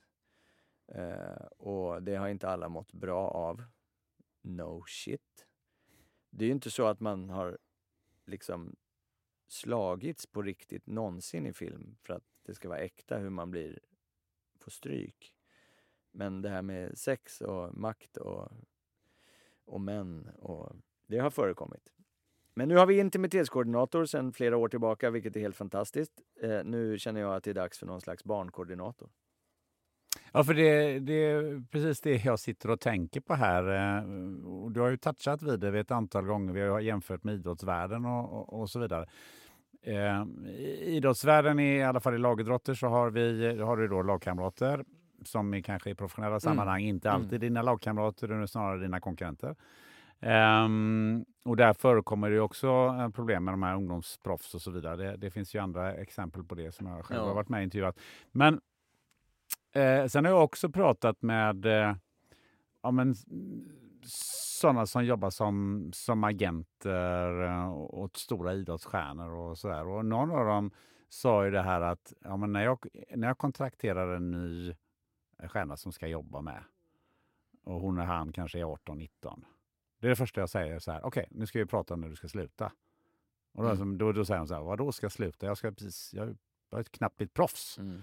Och det är just det här att livet efter är så Mm. mycket viktigare än det du ska vara med om nu. För du sköter din idrott. Det behöver inte jag, det behöver inte jag Nej, hjälpa dig nej, med. Om, men lite grann så här, Ja, det det, känns, klokt. det känns som att det här finns inte i den världen som du kommer ifrån. Nej, eh, inte på samma sätt. Jag, är, jag har inte hunnit, ska jag säga. Så jag ville skriva den här boken utan att grotta i mig för mycket i till exempel idrottspsykologi. Det finns jättemycket att hämta där som den här branschen jag kommer ifrån skulle kunna använda sig av. Eh, ehm, eh, huruvida, vad jag har hört så de agenterna inom sport så är det vid 16 års ålder. Då börjar telefonen ringa hos mamma och pappa. För barnet måste ha fyllt 16 så det är på 16-årsdagen, om det nu infaller på en måndag eller- eller tisdag, det spelar ingen roll. Då ringer de och uppvaktar. För så är reglerna i den branschen. I alla fall inom hockey tror jag. Det är nog, gäller nog alla. Så du får inte ha en agent innan det, vad jag förstår. Eh, hur det är i skådisvärlden och barn idag och huruvida de kan ha agenter, det är jag faktiskt inte helt uppdaterad med. Men, då, men det är ju lite annorlunda, men det är ändå, vi, om vi säger agenter, ja det finns regler för inom, inom sporten, Ja. framförallt inom lagidrotten, kanske inte så mycket inom, inom friidrotten, där det är mer man själv som bestämmer vad som ska göras och inte ska göras. Men, men det är ändå på något sätt, rådgivare kallar det för rådgivare och i Ja. den här branschen så behövs det väl rådgivare lite tidigare då? Ja, det, de det kommer, det kommer att behövas och det är här jag ser eh, problematiken lite i det. För en av mina erfarenheter säger ju mig att så fort du tar ett barn och stoppar i ett vuxet sammanhang så får det en påverkan. Det kan nog alla hålla med om. Gör du det ofta så får det en större påverkan. Det följer bara ett lagom logiskt resonemang. Eh, hur den påverkan kommer påverka en människa, det har man ingen aning om riktigt. Min tanke är att barn främst ska vara barn och att jag jobbade alldeles för mycket. Alltså jag gjorde ju inte bara Sune och Svensson. Däremellan stod jag på Stadsteatern och spelade Macbeth och Det susar i säven och jag gjorde radioteater och jag gjorde hur mycket som helst. Gjorde jag för mycket? Jobbade jag för mycket? Ja, det skulle jag säga att jag gjorde. Eh, sa min mamma och pappa ja till allt? Nej. Grejen var att de har sagt nej också. Det fick jag reda på flera år senare. Liksom, att de faktiskt har sagt nej till filmproduktioner och, och grejer. Så att mina föräldrar skötte det där eh, schysst. Men jag kan tänka mig en agentur i, i den branschen. Så vad tjänar du pengar på? Jo, det är ju att barnet är med då och spelar. Eh, då blir det en rätt ja, konstig problematik i det här. Att du ska vara en agent som alltså säger till barnet, eller barnets föräldrar i det här fallet, att eh, eh, bäst för ditt barn är nu att inte göra någonting på tre år. Vilket betyder att man inte får in pengar då, eller? Och mitt resonemang kommer då till att då måste det finnas något annat. Det måste finnas en slags organisation kring det här snarare. Och den organisationen har jag ju tänkt på. Jag har ju ringt upp och pratat med Simon Norton som är högsta fackliga i scen och filmkonst och filmscen och ja, den världen. Eh, och då är det ju så att jag, jag är själv facklig, fast inom flygledning idag. Eh, det är en jättebra väg att gå, men problemet är där att barn får inte ansluta sig fackligt. Så det får du inte göra förrän du är, om den gränsen är 16 eller 18. Så, så där faller det lite på den fackliga världen. Så det man måste göra då är ju att samla, samlas eh, eh, väldigt många och gärna stora bolag där vi bara bestämmer oss för att så här måste vi göra.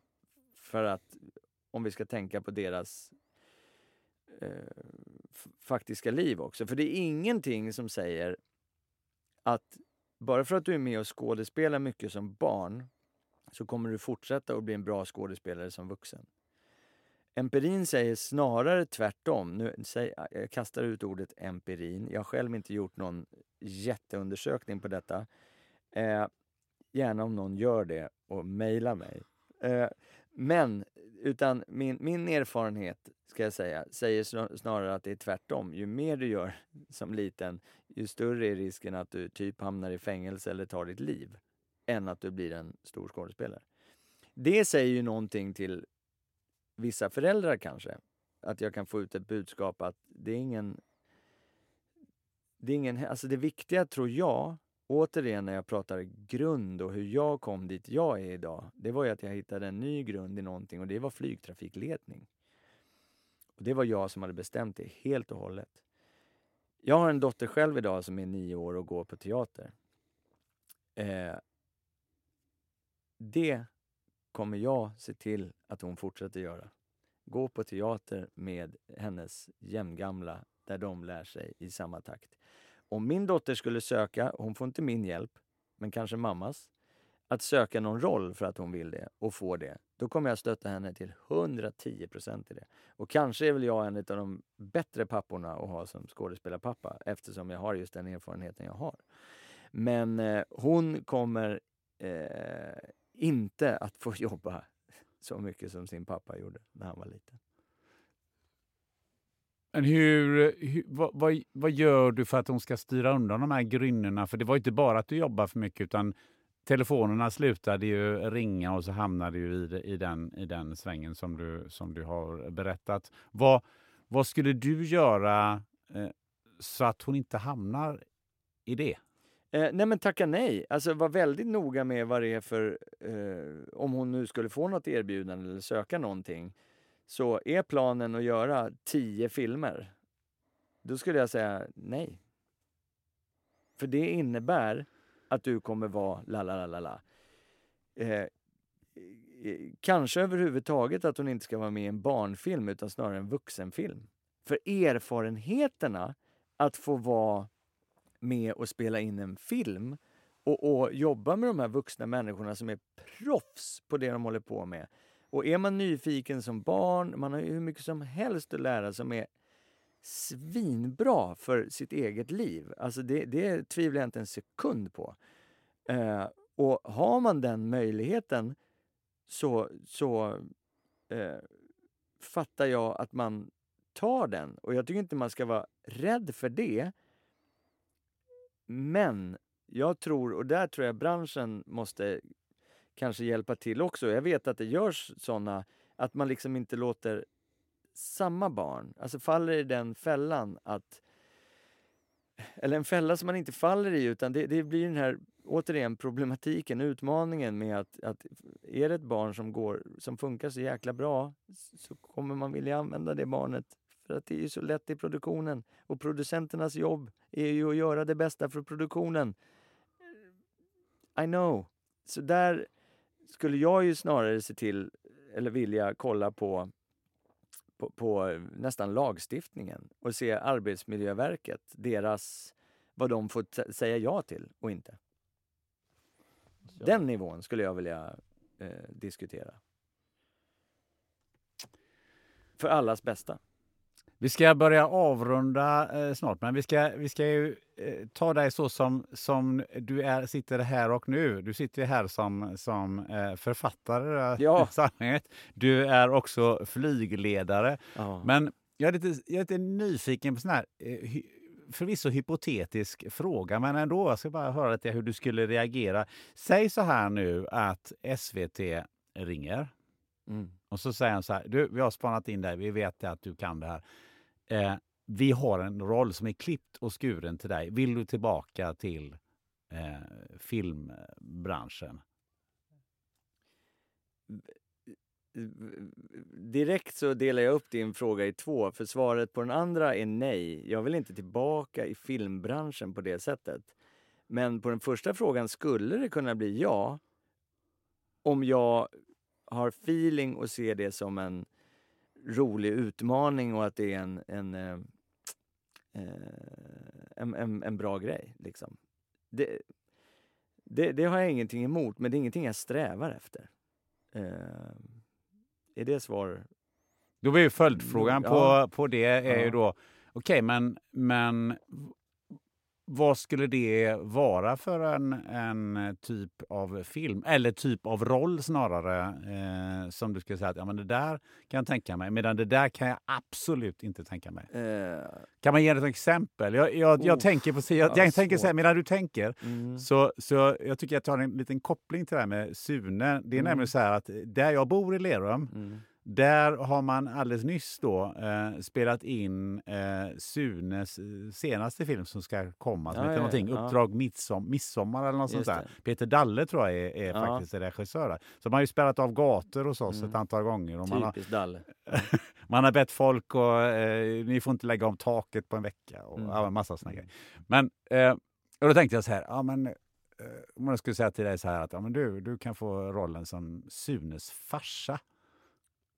Till exempel. Eh, Det var en Ja. ja. utläggning här. Alltså den hade jag nog, den hade jag nog sagt eh, eh, nej till för att jag är alldeles för nära eh, just Sune, alltså familjen. För mig är ju Sune liksom Peter Haber och Karina Lidbom och Peter Habers infernaliskt eh, eh, Eh, liksom Dramatens skådespeleri i rollen som Sunes pappa. För mig är det briljant. Liksom. Eh, men däremot om jag skulle bli frågad, fan det vore kul om du eh, i en Sune-film spelade den här glassförsäljaren som är eh, lite återkommande, men bara en liten karaktär eh, som eh, som dyker upp några gånger i filmen och gör någonting. Bara det att publiken kan få liksom Wow, fan det är ju han ju. Liksom. Lite så här cameo-grej. Det hade jag kunnat ställa upp och tyckt var roligt för att jag gillade ju den branschen i, i, i grund och botten. Och det är ju en väldigt, väldigt... Så här, snacka om en bransch som, som eh, vad säger, där kreativiteten flödar och det finns ingenting som är problem utan man pratar ju lösningar bara. Det är utmaningar visst, men vi hittar lösningar. Och det är inte alla branscher, då kan jag jämföra med min då, flygledarbranschen, som verkligen är, vi hittar också lösningar och försöker vara flexibla och allt sånt, men det finns ju ändå en, en, en grundstruktur som av flygsäkerhets eh, liksom skull måste vara väldigt fast eh, av en anledning. Liksom. Eh, så det går inte bara att lavaja och fan idag fick jag feeling att starta två flygplan samtidigt åt olika håll. Alltså nej, vi jobbar ju inte så. Men det hade man ju kunnat gjort om man hade varit eh, regissör i, i flygtrafik. Nej, men jag vet inte. Eh, så, men det, det, så jobbar ju inte jag. Eh, nu vet jag inte vad jag kom i resonemanget. jo, men vi var Ja, du, glassförsäljaren var Ja, vi inne på. Ja, ja. Jo, men lite, lite sånt kanske. Eller om ja, Alltså jag tror inte jag hade, och det finns ingen som kommer höra av sig till mig och fråga om jag ska spela en huvudroll överhuvudtaget. Det är jag rätt övertygad om. Eh, eh, för att jag är inte skådespelare. Jag, har inte, jag är inte utbildad inom det. Det jag har fått en... Jag är autodidakt, eller vad man ska säga. Men jag har ju fått, min skola har ju varit att göra. Och ja, jag känner en enorm styrka i att jag har kanske lite utav talets gåva. Jag har inga problem att stå och prata inför människor. Och det har jag nyttjat hela livet, för snarare i fackliga sammanhang. Jag är ordförande i bostadsrättsföreningen. Jag älskar att hjälpa till på träningarna med barna. Eh, jag är en engagerad människa. Liksom. Och engagemang för mig är ju ett driv. Att det jag gör ska gynna mig, men också andra. Eh, det är lite stoiken i mig, eh, typ. Eh, att det är, bara, det är bara sån jag är och det är kvar. Och jag är hellre en sån liksom, förebild för mina egna barn än att sitta hemma och säga att det är bra att man engagerar sig. Nej, följ med mig. Nu ska vi sätta upp lappar. Vi ska kolla hur många som vill putsa fönster. Eh, Jaha, Jaha, gör man det? Ja. ja, exakt. Då får de ju se, lära. Hur gör jag? Och kanske att de tycker att det är till och med kul och fortsätter. du är ju flygledare, du gör lite röster i, i, eh, i lite olika eh, filmer. Eh, du skulle kunna tänka dig att eh, jobba som glassförsäljare Ja, i Sunes, ja, ja. någon Sune-film. Eh, eller vad det nu är, och fackligt engagerad och så vidare. Eh, Men jag är författare idag. du, och dessutom, du hann du före mig där, dessutom så är du nu författare. Nej, författare är man faktiskt bara om man, först när man har gjort två eh, böcker. Har jag, Äntligen någon som säger sanningen. Det jag har gjort är att författat en bok. Ja, vilket jag alltid så är det. Men det sägs tydligen så att har man gjort eh, två, har, man, Ja. har man skrivit två böcker så är man författare. Ja. Men det här är ju en, en härlig palett som vi har berört på lite olika sätt. Vi har inte pratat Ja. så mycket flyglederi, det skulle vi kunna göra i, en, i ett annat avsnitt. Ja. Men om, vi bara blick, om du bara blickar framåt så här, hur, Ja. hur ser den mixen ut de närmaste 20 åren tror du? Eh. Var någonstans... Eh, Landar hur- du? Nej, Ja. men jag, jag har ju hittat min, min grund. Alltså jag kommer inte eh, vilja släppa min flygledning för att jag tycker att det är så himla roligt. Det är så fina kollegor och det är så rolig värld att vara i.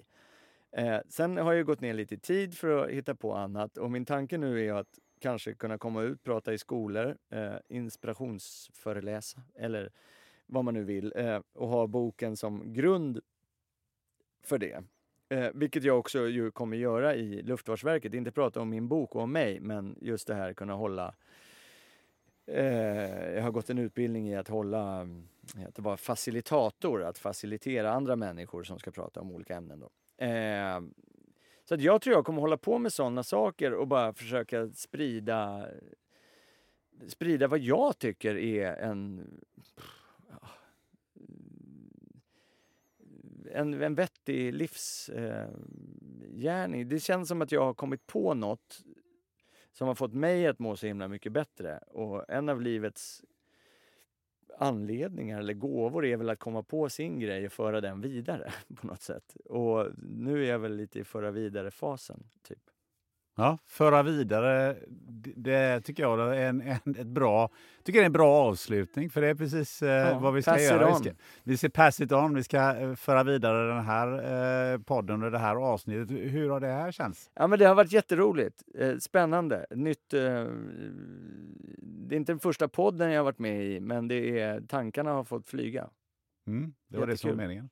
Du, eh, vem tycker du, eh, vems tankar tycker du borde flyga eh, i den här podden? Du har ju fått en, en, eh, en uppgift av mig och nu, nu, nu grimas, grimaserar Gabriel något alldeles våldsamt. Ja, det gör jag ju. För att det här skulle jag ju ha bestämt mig för och att ha hittat en människa som jag själv är nyfiken på. Men eh, jag kan inte komma på någon just nu. Får man skriva det här senare i podden? Nej, det får man inte. Ja, det kan man få. Eller så Eh. kan man eh, bara säga att ja, men det kan inte jag komma på just nu. Nej, alltså jag, jag, eh, alltså jag, jag träffade en, eh, en författare faktiskt på Bokmässan. Han heter väl Magnus Ranstorp? Mm. Terroristforskaren, Ja, jag har inte läst någon av hans böcker. Jag kommer göra det. Eh, vi hade ett bra samtal, eller väldigt kort men, men bra, intressant. Han verkar vara spännande. Jag säger Magnus Ranstorp. Mm, det tycker jag låter som en, ett, en bra idé. Det Ja. jag, det, han finns faktiskt också på min lista, så Ah. att, eh, det är perfekt. Ja. Ah, vann jag då? Nej, Ja, du, skojar. du, har vunnit ett avsnitt till. ja. eh, men slutligen då, eh, om man nu vill ha eh, fatt i dig eh, på något Ja. sätt, man kanske vill eh, följa dig eller man vill eh, ja, men ha den där föreläsning som du, som du pratar om. Just det. eller Just så. det. Vad, hur gör man då? Hur gör man då? Ja, men jag har precis fått hjälp av min fru att dra ihop en liten hemsida bland annat. Gabrielodenhammar.se Mm. Och där kan man se, alltså jag finns ju på sociala medierna, Facebook, Instagram, TikTok tyvärr, som jag brukar säga. Eh, Men jag, jag finns i mitt namn där. Så att eh, gå gärna in och följ, skriv, dela med er av era tankar eh, om vad livet är för er. Eh, och det går även via min hemsida, eh, just kanske mina sociala medier. Det finns en länk om man skulle vara intresserad av att köpa boken. Så alla som vill ta del av min historia är jag bara enormt tacksam eh, för. Men den finns säkert också på bibliotek. Eh, eh, köp en, dela i en cirkel.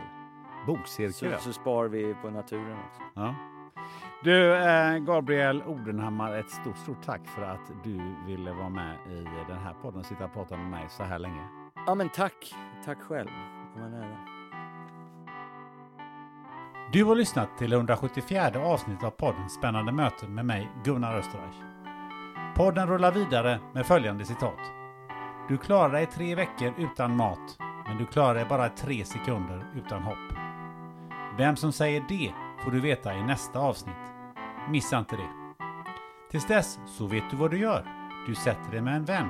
Du tar något gött att dricka och diskuterar vilka tio grejer du skulle vilja lägga i din prepperlåda. Ha det gött!